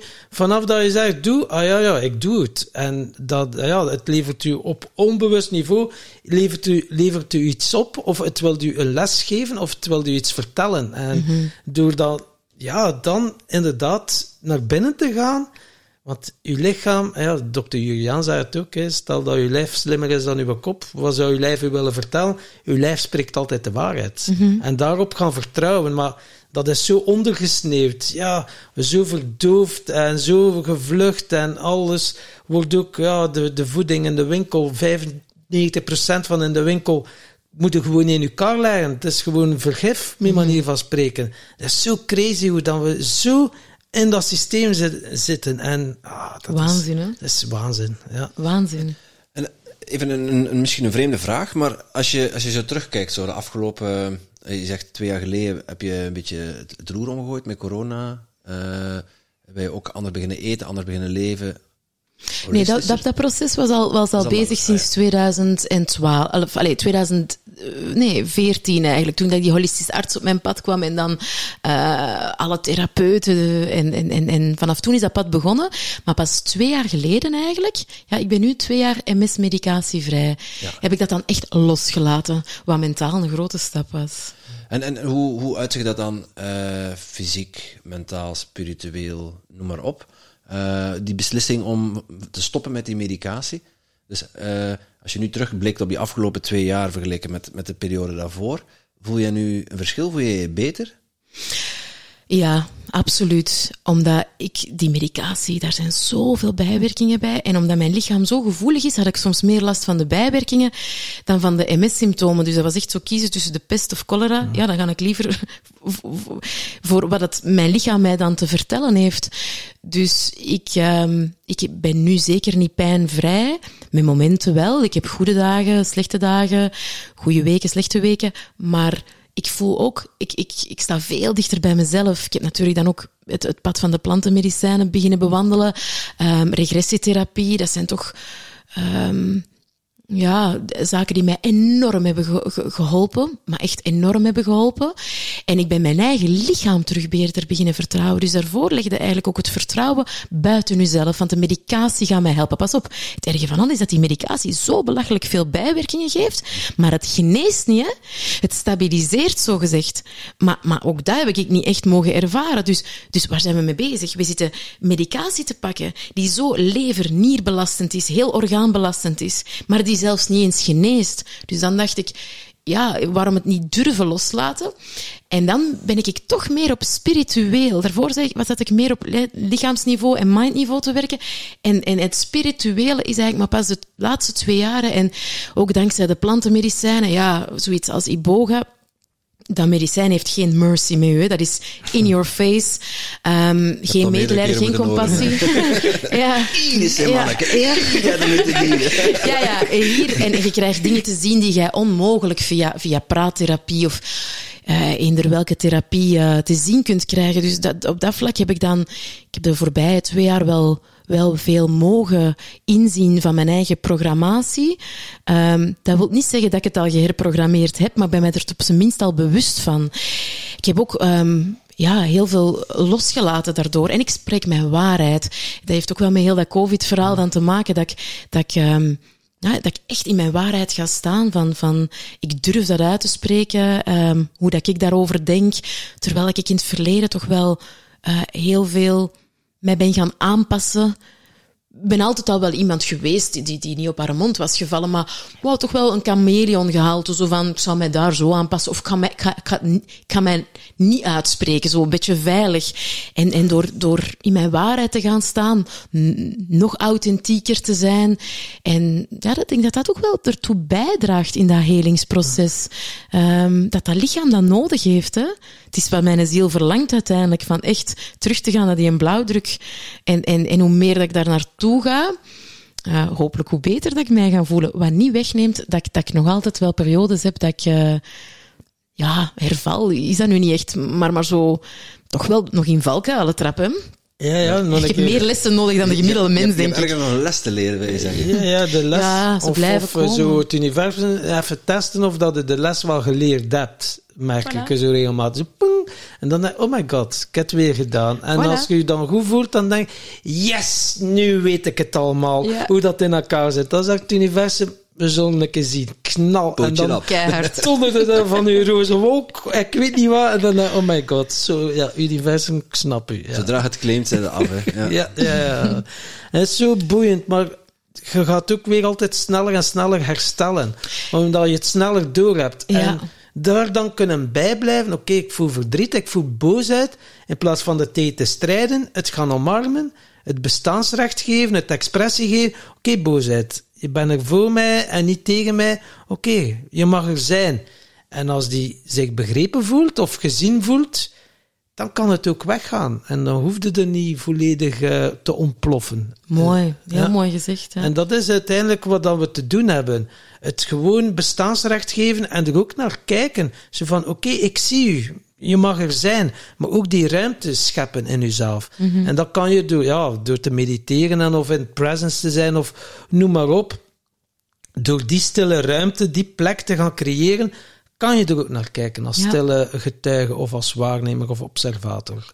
Dat werkt voor mij enorm. En daar kan ik beter en beter mee. Want nu, ja, in de relatie dat ik zit, worden zoveel stukken ook aangeraakt. Maar we zijn, ja, je kunt het niet voor een ander oplossen. Maar je kan wel een veilige bedding bieden, waardoor dat je kan helen. En dat is heel mooi. Daar zit het echte goud. Ja. ja. Je, je- je sprak net over eh, eh, je waarheid spreken, hè, dicht bij je authentieke zelf blijven. Eh, ik vind dat wel een interessante vraag om, om een keer te polsen. Wat is voor jou de waarheid? Mooie vraag. Eh, De, de waarheid is, is, is, is, is, is heel goed in te voelen bij jouzelf. Dus dan komen we eigenlijk bij het pad dat er naar mijn gevoel hoort te volgen. En dat is het intuïtieve pad. En van zodra dat je een beslissing neemt vanuit je ratio, in mijn geval, krijg ik het heel hard op mijn bord van, je hebt niet goed gekozen. Dus iedereen heeft een andere waarheid, hè, maar die waarheid is, is, die ligt dat echt, echt goed invoelen. Goed luisteren naar jezelf. Dat is uh, wat ik hoor te doen. En, en wat ik echt ik heb heel veel over mijn grenzen laten gaan in mijn leven en ik heb um, mijn emoties, zoals boosheid, heel fel onderdrukt, want ik dacht dat dat niet mocht. Um, en als vrouw zeker niet. Dus ik heb... Um, ik, ik omarm nu die, die, boosheid ook. Ik laat het er zijn. Uh, ik heb ook echt wel een wildkantje dat ik ook terug meer durf laten zien. Want in, in een, een, hele periode heb ik dat dan net heel fel onderdrukt. Want ik was op mindniveau. Nee, nee, nee, nee, nee. Niet meer zo wild als vroeger, Ellen. Niet meer zo. Dat gaan we keihard onderdrukken. Het is net door te zeggen van, Ellen, het zit wel in u eigenlijk. Hè? Durven aan te kijken ook. En dan komen we terug bij de plantenmedicijnen. Hoeveel donkerte dat er in ons zit ook. Ja. Ook dat durven erkennen van, potverdorie, het zit wel in mij. En dat was echt een, een, egoïstische beslissing. Maar ik had het niet door, maar ik kreeg het dan wel te zien. Van dat ook, ook echt te erkennen bij mezelf. Um, dat inzien, ja. Ja, en in, into the wild ook, hè. Met je rugzakje, Australië. En daardoor, door, daar, door te luisteren van, van wat, wat wil ik, welke kant wil ik op, ontdek je dat, je dat je niet in België wilde blijven. Ja. ja dat zijn inzichten die zijn life-changing, hè. Absoluut. En, en, en zoals dat je dat zegt, met, met dat rugzakje, ik zag het ook zo echt net terug, terug voor mij. Wat zo schoon was, is dat ik dat toen echt heel goed besefte. Want die wet van aantrekkingskracht en zo, het zal wel op mijn pad komen. Dat gebeurde toen ook. Want ja, je zei jong, je hebt geen zorgen. Uh, je werkt een beetje hier en je werkt een beetje daar. En, en ik maakte mij nooit geen zorgen van, oei, binnen zoveel tijd zit ik misschien zonder geld. Nee, nee, want dan kwam er wel iemand op mijn pad waar ik dan een tijdje kon voor werken. Of, dat was zo mooi. En toen leefde ik zo dicht bij mijn ziel en, en al Vanuit zeker heel dicht bij ja. de natuur. En dat was dat was eigenlijk, kreeg ik dat zo mooi. Want ik, wat ik wilde, wat ik mij visualiseerde, werd gemanifesteerd, kwam op mijn pad. En I always found my tribe. Er zijn periodes geweest dat je dan alleen aan het reizen was en je denkt, nu kan ik precies toch wel wat gezelschap gebruiken. En dan kom je op een katamaran, leerde nieuwe mensen kennen. Prachtig was dat. Ik ben zo blij. Ik zou mijn dochters pushen om ook zoiets te gaan doen, omdat je dan omdat je dan echt voelt dat het be. universum... Ja. Goeie. Ja. Sorry, maar dat ga ik er dan toch een klein beetje in programmeren. Maar ehm, ja, dat, was, dat was eigenlijk zo mooi, want, want ik wist het toen wel. En dan komt het terug in dat systeem. Hè. En dan ben ik mezelf echt heel veel kwijtgeraakt. Ja. Ja, heel herkenbaar. Ik, ik ben... eh, ik heb van heel weinig dingen spijt, eigenlijk van niks. Behalve dan dat ik rond mijn, denk rond mijn 20, 21 de kans had om, om mijn, met mijn beste maat toen, eh, toen kende ik Tom nog niet, eh, om naar Australië te gaan voor eh, drie, vier maanden. En uiteindelijk is hij een half jaar weg geweest. Maar ja, ik had toen net, ik had mijn vrienden leren kennen, ik had net een job en ik zat in het systeem en ik durf, ik durf er niet uit. Ik durf niet, die, ook al was dat helemaal oké geweest, hè, ik durf zelf niet die stap zetten. En ze, ze, je kunt geen dingen hebben, geen spijt hebben van dingen die, die, ik kan geen spijt hebben van dingen die ik gedaan heb, maar eh, dat is dan iets wat ik niet gedaan heb, daar heb ik wel ja, spijt van. En ik kan niet terugdraaien, hè. Sorry dat ik dat zo Ik kan, niet terug spijt. 21, ik kan niet terug 21 worden en, en die, ik kan nu die reis maken. Ik kan morgen beslissen om te vertrekken en, eh, en die reis maken. Maar die heeft niet dezelfde impact als dat dat op je heeft als je 21 bent. Ja, maar ik denk wel, door het nu niet gedaan te hebben, zal dat wellicht ook wel een aanmoediging zijn om in de toekomst altijd wel te kiezen voor hetgeen wat toch een klein beetje hè, onzekerheid inboezemt. Hè? Ja, ja, ik heb sindsdien ook nooit meer een, eh, eh, een besluit waarbij ik eh, angst voelde van, zou ik dat nu wel of niet doen? Natuurlijk altijd nog wel met, met, met de nodige verstandhouding. Rekening houden met je omgeving ook. Maar er zijn weinig dingen die ik daarna niet meer gedaan heb. Als het een troost mag zijn, is je dat backpacken. Ik heb het dan wel gedaan, maar ook maar de eerste keer op mijn 36. Dan ook eh, door ja, een nieuwe relatie. En ik zat, vroeger was dat dan zo all-inclusives, zo Turkije, zuipen natuurlijk, eh, we zitten lullen aan een toog. En dan eh, op mijn 36 is mijn wereld wel voor een stukje open gegaan. Zuid- Zuidoost-Azië gedaan en noem maar op, eh, Costa Rica en, en al die mooie, ja, een maand gewoon rondtrekken. En zo, ja, toch wel een keer of vijf, zes. En dat heeft ook mijn, mijn leven volledig veranderd. Echt, ja, je kijkt helemaal anders naar de wereld. Je, je komt in contact met verschillende culturen. Ik heb het ook gedaan Zuid-Spanje. Dus, ja, je hoeft ervoor niet naar Zuidoost-Azië te gaan. Als je al Andalusië doet, dat, dat, dat is ook al fantastisch. Ja. Als je daar al een keer rondtrekt. Dus ja, het is heel mooi. Hè. We kunnen het ja, in Europa ook perfect doen natuurlijk. Juist in Europa. Tuurlijk, ja. En- Europa is heel divers trouwens. Ja, tuurlijk. Ja, dat is allemaal... eh, Maar ja, het is inderdaad wel... Ja, je kunt zo ergens vastzitten of dat je kiest... Ah, nu wil ik op verlof. Nu ga ik een keer genieten, zie. Dan vliegde zo... Ja, vroeger all-inclusive. Oh, nog een Belg. Hup, en dan zit het te lullen in het flap. Eh, hup, ah, nog een pintje. En ja, en dan zitten er eigenlijk tien dagen aan de bar. En zo aan het zwembad. En dan denk je, oké, het vakantie is gedaan. Maar ja, uiteindelijk deden we weer net hetzelfde wat dat in Vlaanderen al deed. Dus, eh, Ja, en de personen die je dan tegenkomt, zijn dikwijls echo's van jezelf. En die Ja. denken overal hetzelfde over. Wat, wat leuk is, hè, want veel vrienden... Maar het is net zo spannend om met totaal verschillende achtergronden... Om, om, om dan zo een beetje uit je comfortzone te geraken en, en, en te groeien. Hè. Ja, ja, ja. Maar pas op, ik kan ook altijd wel genieten van een beetje aan het zwembad liggen. Ja, ja, maar ik ook. Ja, ja, ja, ja. Dat is inderdaad wel... woont in Spanje, dus ja. Ja, Daar hoef je niet voor op vakantie. dat is waar. Maar toch, dat is raar dat je dat zegt, maar het is je thuis. Hè. Het is de plek waar dat je... Toch heb je nog nood aan vakantie, hoor. ja, ja, ja dat Ja, geloof ik dat heel kan. graag. Ja, want dat is zo... Ja? Mijn, tante, mijn tante woont ook in Spanje en die, die heeft dat ook. Dus ja. Dat, Ja. En, en, en, en, en ik hou van Spanje tussen september en juni, maar in de zomer, in het toeristenseizoen en de hitte, die, dat is te. En dan, dan, dan is het ook zo druk, zitten wij plots met files, dus dan willen wij eigenlijk ook wel weg. Ja, ja, Ja. dat is een mooie. Eh, ik neem aan, eh, in Spanje wonen, verre reizen maken, nu eentje, dat, dat zal je vast wel gelukkig maken. En eh, onze podcast gaat toevallig over eh, geluk en succes. Eh, dus ik ben wel benieuwd, wat, hoe zou jij geluk definiëren? Geluk definiëren.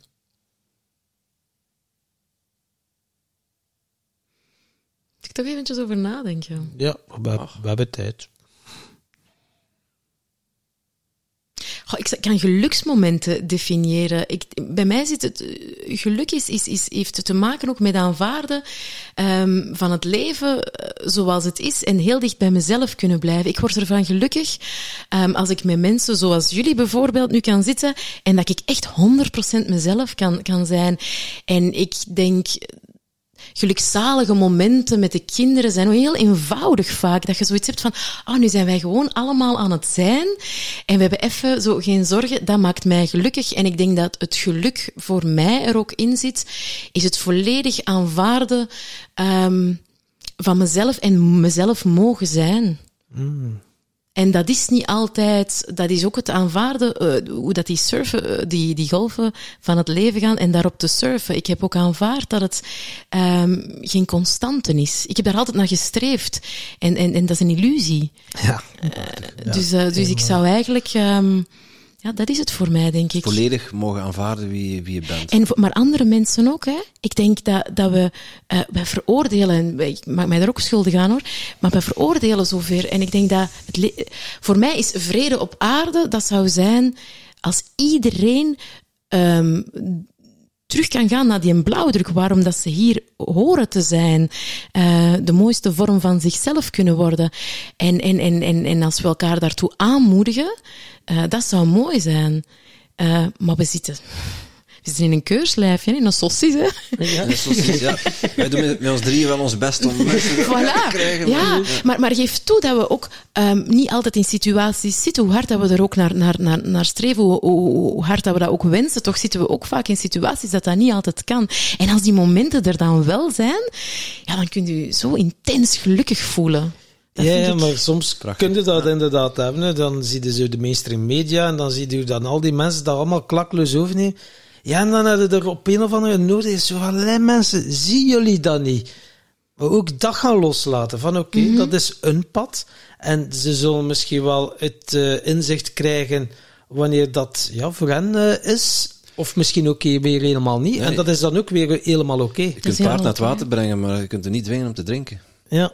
Nou, ja. jongen. Ja, ja hela, ja. hela. Niet zelfverzonnen. maar uh, ja, over geluk. Wij, geluk en succes gaan hand in hand. En wat is jouw definitie van succes? Hoe zou je dat definiëren? Ja, succes hier op ik, ik definieer succes ondertussen anders. Ik heb me bijvoorbeeld een hele tijd waardeloos gevoeld in de maatschappij omdat ik niet kon presteren. Wie was ik?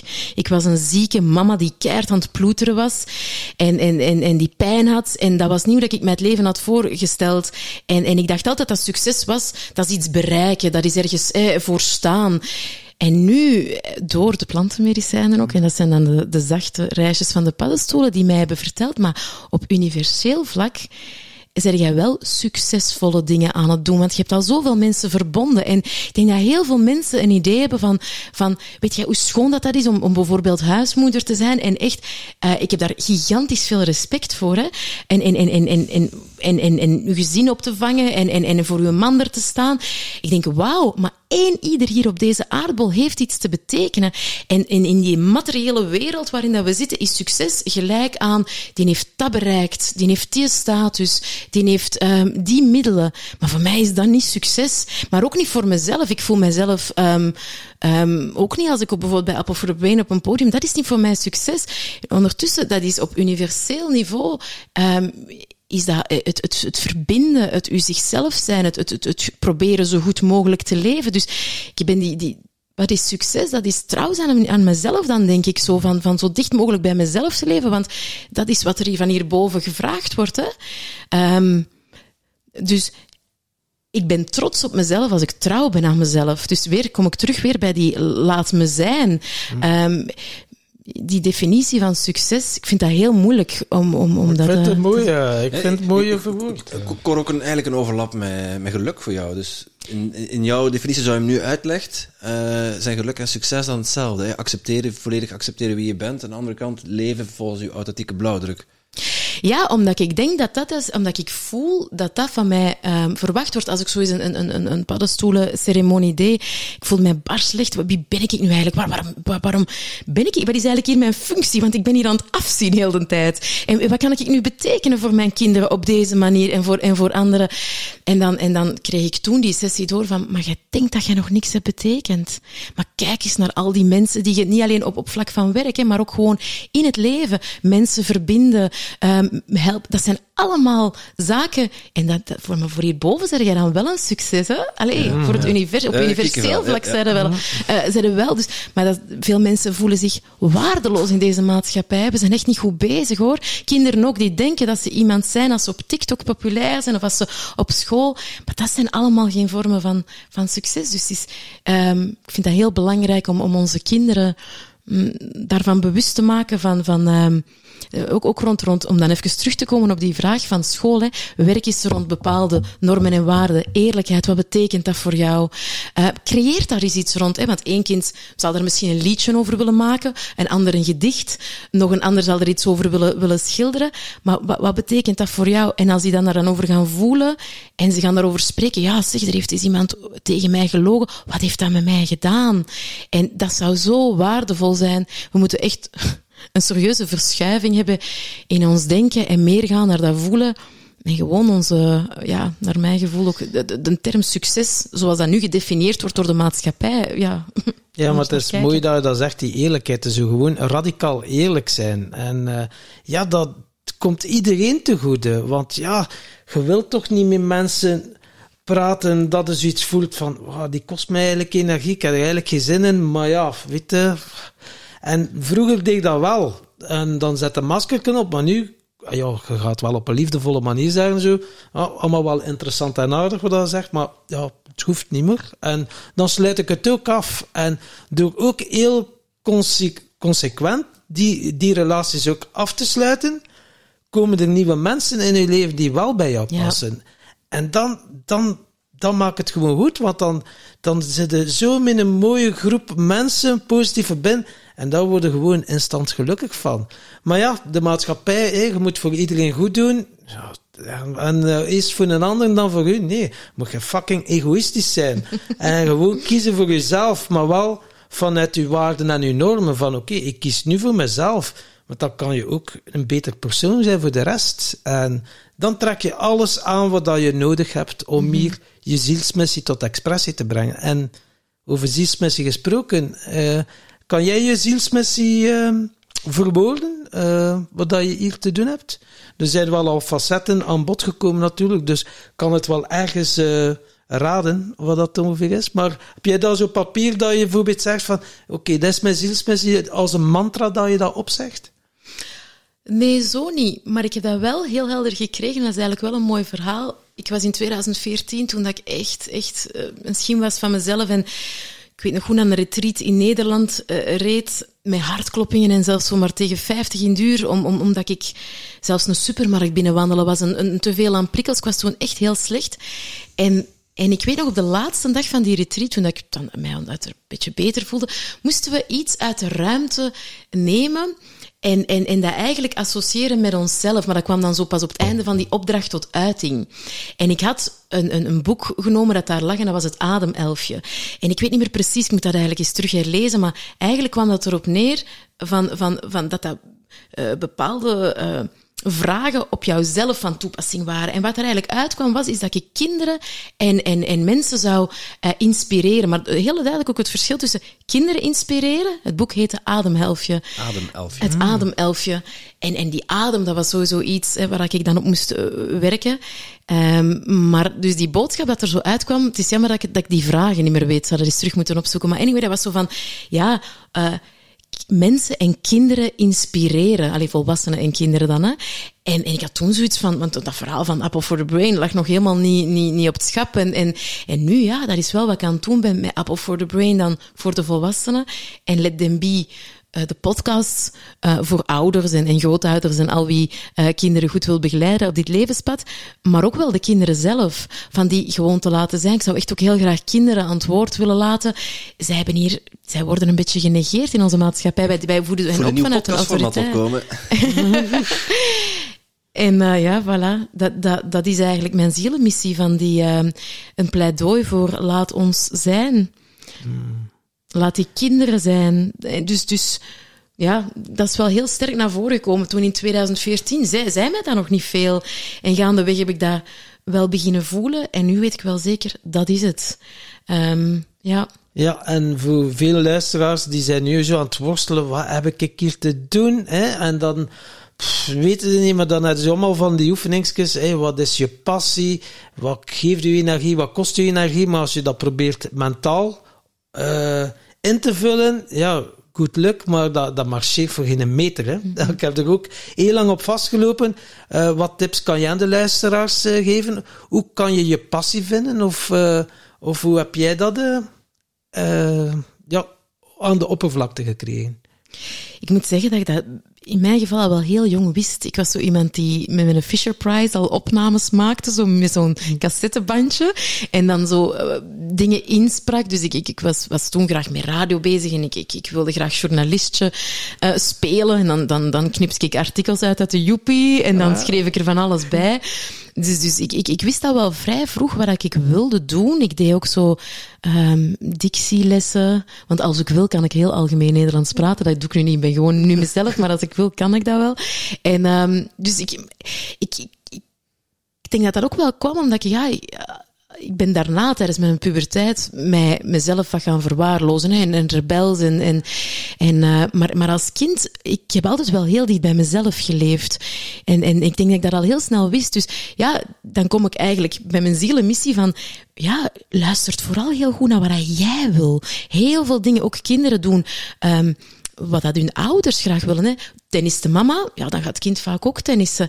Maar, maar als we nu is, is, is, is echt... En het is moeilijk om soms een waaier aan mogelijkheden aan, aan te bieden. Hè. Mm. Maar toch... Um, durf je kind ook te bevragen, maar ook jezelf. Hè. Wat zij er wel niet gaan doen omdat het moest? Hoeveel zaken doen we wel met tegenzin? Um, als ik soms hier in België ook zie, maak ruimte. Daar ben ik zo blij voor nu in, in Spanje. Hè. Onze agenda's in de weekends zijn zo vaak leeg. Wij kunnen echt heel spontaan uh, onze weekends invullen uh, in waar wij op dit moment zin in hebben. En hier merk ik dat als je met mensen wilt afspreken, agenda's zitten soms al vol tot januari. Hè. En dan is er het feestje van, van het petekind en dan is er daar een communie. En dan denk ik, oh, waardoor dat je helemaal niet kunt invoelen, heb ik hier nu eigenlijk überhaupt wel zin in vandaag?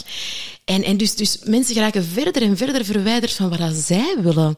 En, en, en, en door die beslissing gemaakt te hebben, zijn wij daar veel vrijer. We hebben ook wel een, een, een, een sociaal leven daar ook. Maar, maar je merkt ook dat mensen daar minder belang aan hechten. Er is veel meer spontaniteit. In Spanje, een verjaardagskindje, een verjaardagsfeestje liever uh, drie weken op voorhand aankondigen wat hier al gebeurt met uitnodigingen. Dan zeggen die, zeg maar, dat is pas over drie weken. Wij weten nog niet wat wij binnen drie weken gaan doen. Dat is letterlijk twee dagen ervoor hè, dat mensen dat afgeven.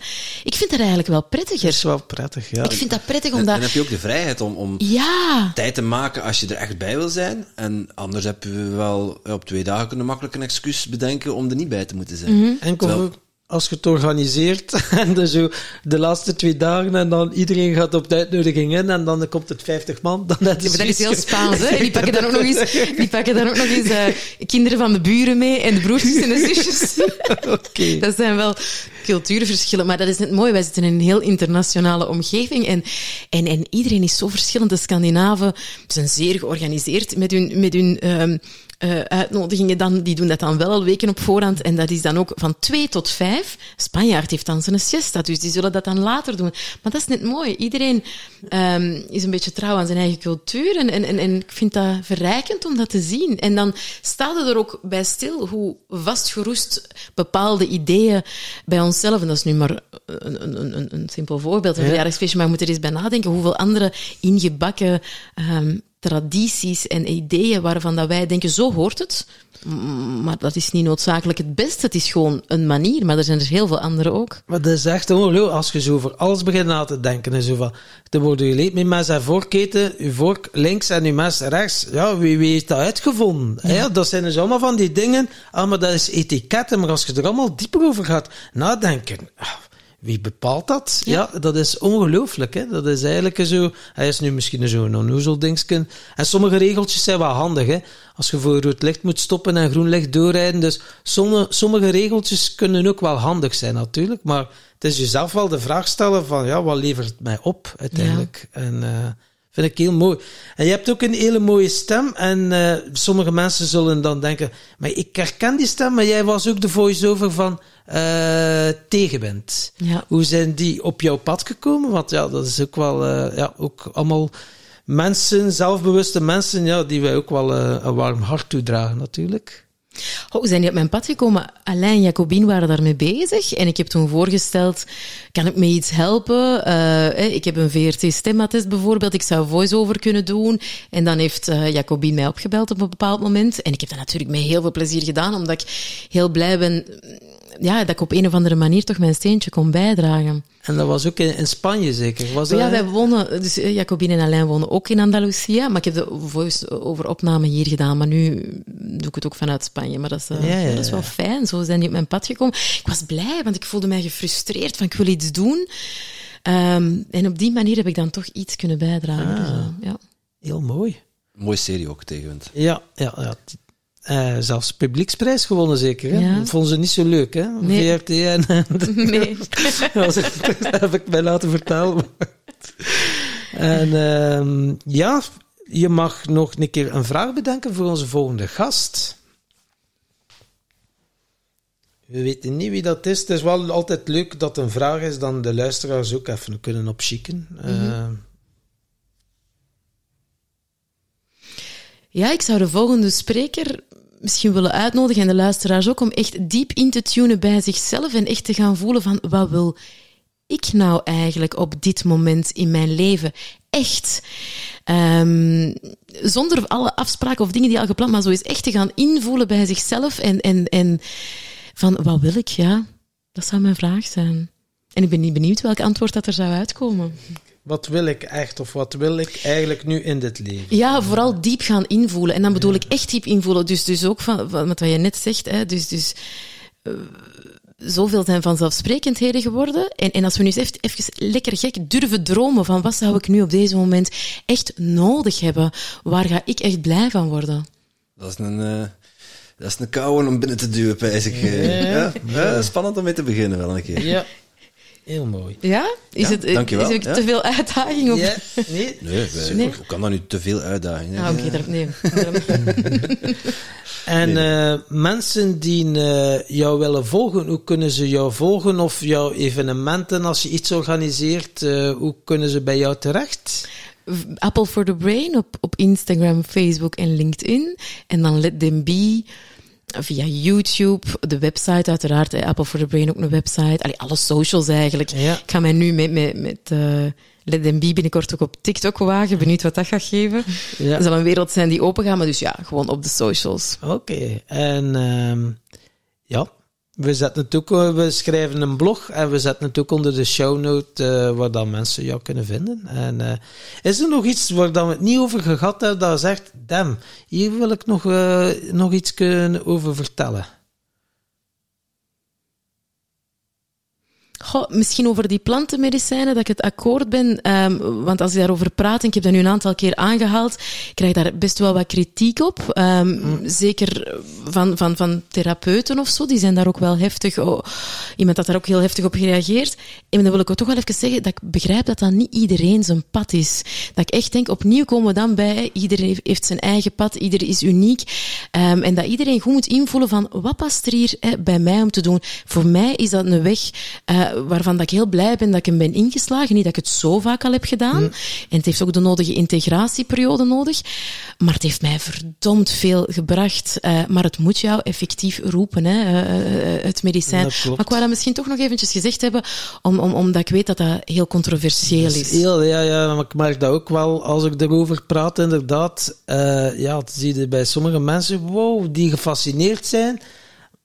Dat ik ook wel aangeef van, ja, oké, okay, je kunt inzichten krijgen, die plant zal u wel dingen laten zien, maar dan is het ook het integreren hè, met de inzichten die je gekregen hebt.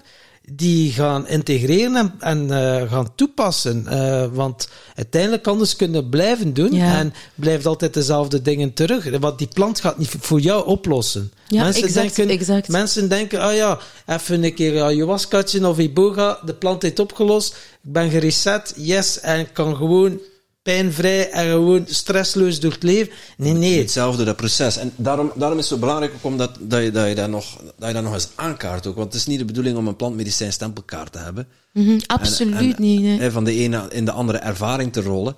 Je moet zelf aan de slag. En, en hoe dat je dat doet, hè, helpt een plant jou daarbij? Of doe je dat met ademhaling? Of doe je dat met meditatie? Of doe je dat door zelfstudie? Of door radicaal eerlijk te zijn tegen jezelf? Eigenlijk maakt het niet, allemaal niet uit, zolang je maar... eh, als je voelt dat je iets op te lossen hebt bij jezelf, dat je er zelf mee aan de slag gaat. Ja. Ik zou het niet beter kunnen zeggen, effectief. Voilà, zie. Oké, eindelijk iets zinnigs gezegd. Dank wel, Timothy. Ik val er nu 15 minuten gediend, maar... Na 1 uur 48, wauw. Cool. Eh, ja, we moeten stoppen op een hoogtepunt. Hè. Ja, ja, ja. ja. Dat is mij niks anders dan, eh, dan jou van harte te bedenken Ja. eh, voor, eh, voor het fijn gesprek.